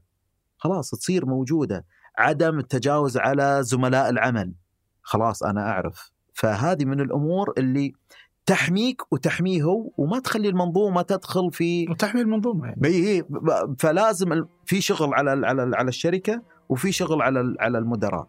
وتثقف الموظفين. يعني أحيانا الموظفين ترى يعانون من مشاكل كبيرة بس ما يعرف يتكلم مع مين. صح. ف يعني ليش أقول لك السؤال كويس؟ أنت اليوم كموظف حسيت بالظلم وحسيت في تجاوزات. والله ما أكذب عليك يعني أنا مروا علي بعض الموظفين حتى أحيانا باليد يصير في تاتش والله يقول لي أحيانا يدف وهو يتكلم ويانا. ولا مثلا يتلفظ ألفاظ. ما هو ما هو ألفاظ بس مثلا يقول أنتم أغبياء. أنتم ما تفهمون. هذا تجاوز على الموظف. إحنا قاعدين جايين في مكان نحترم بعضنا ولا جايين نتهزأ في المكان. فلازم تتوجه للموارد البشرية عشان يوجهون له رسالة. يقول لك العيار اللي ما يصيب يدوش. ترى بعد هذه انذار وممكن ان إحنا نستغني عنك. الله يعطيك العافية. الله يعافيك. شكرا جزيلا. الله. شكرا لكم. شكرا لعمر الشنقيطي في إعداد الحلقة وخلف الكاميرات وهاب موسى وفي التحرير. محمد نور شمت والهندسة الصوتية محمد الحسن وفي التسجيل الصوتي عبد العزيز المزي وفي تحرير آه، الألوان عبد المجيد العطاس وفي إدارة محتوى التواصل الاجتماعي نورة السبيعي ومنتج البرنامج أيمن الحمادي وفي إدارة التحرير أسيل بعبد الله. هذا فنجان أحد منتجات شركة ثمانية للنشر والتوزيع ننشر كل الإنتاج بحب من مدينة الرياض. الأسبوع المقبل ألقاكم.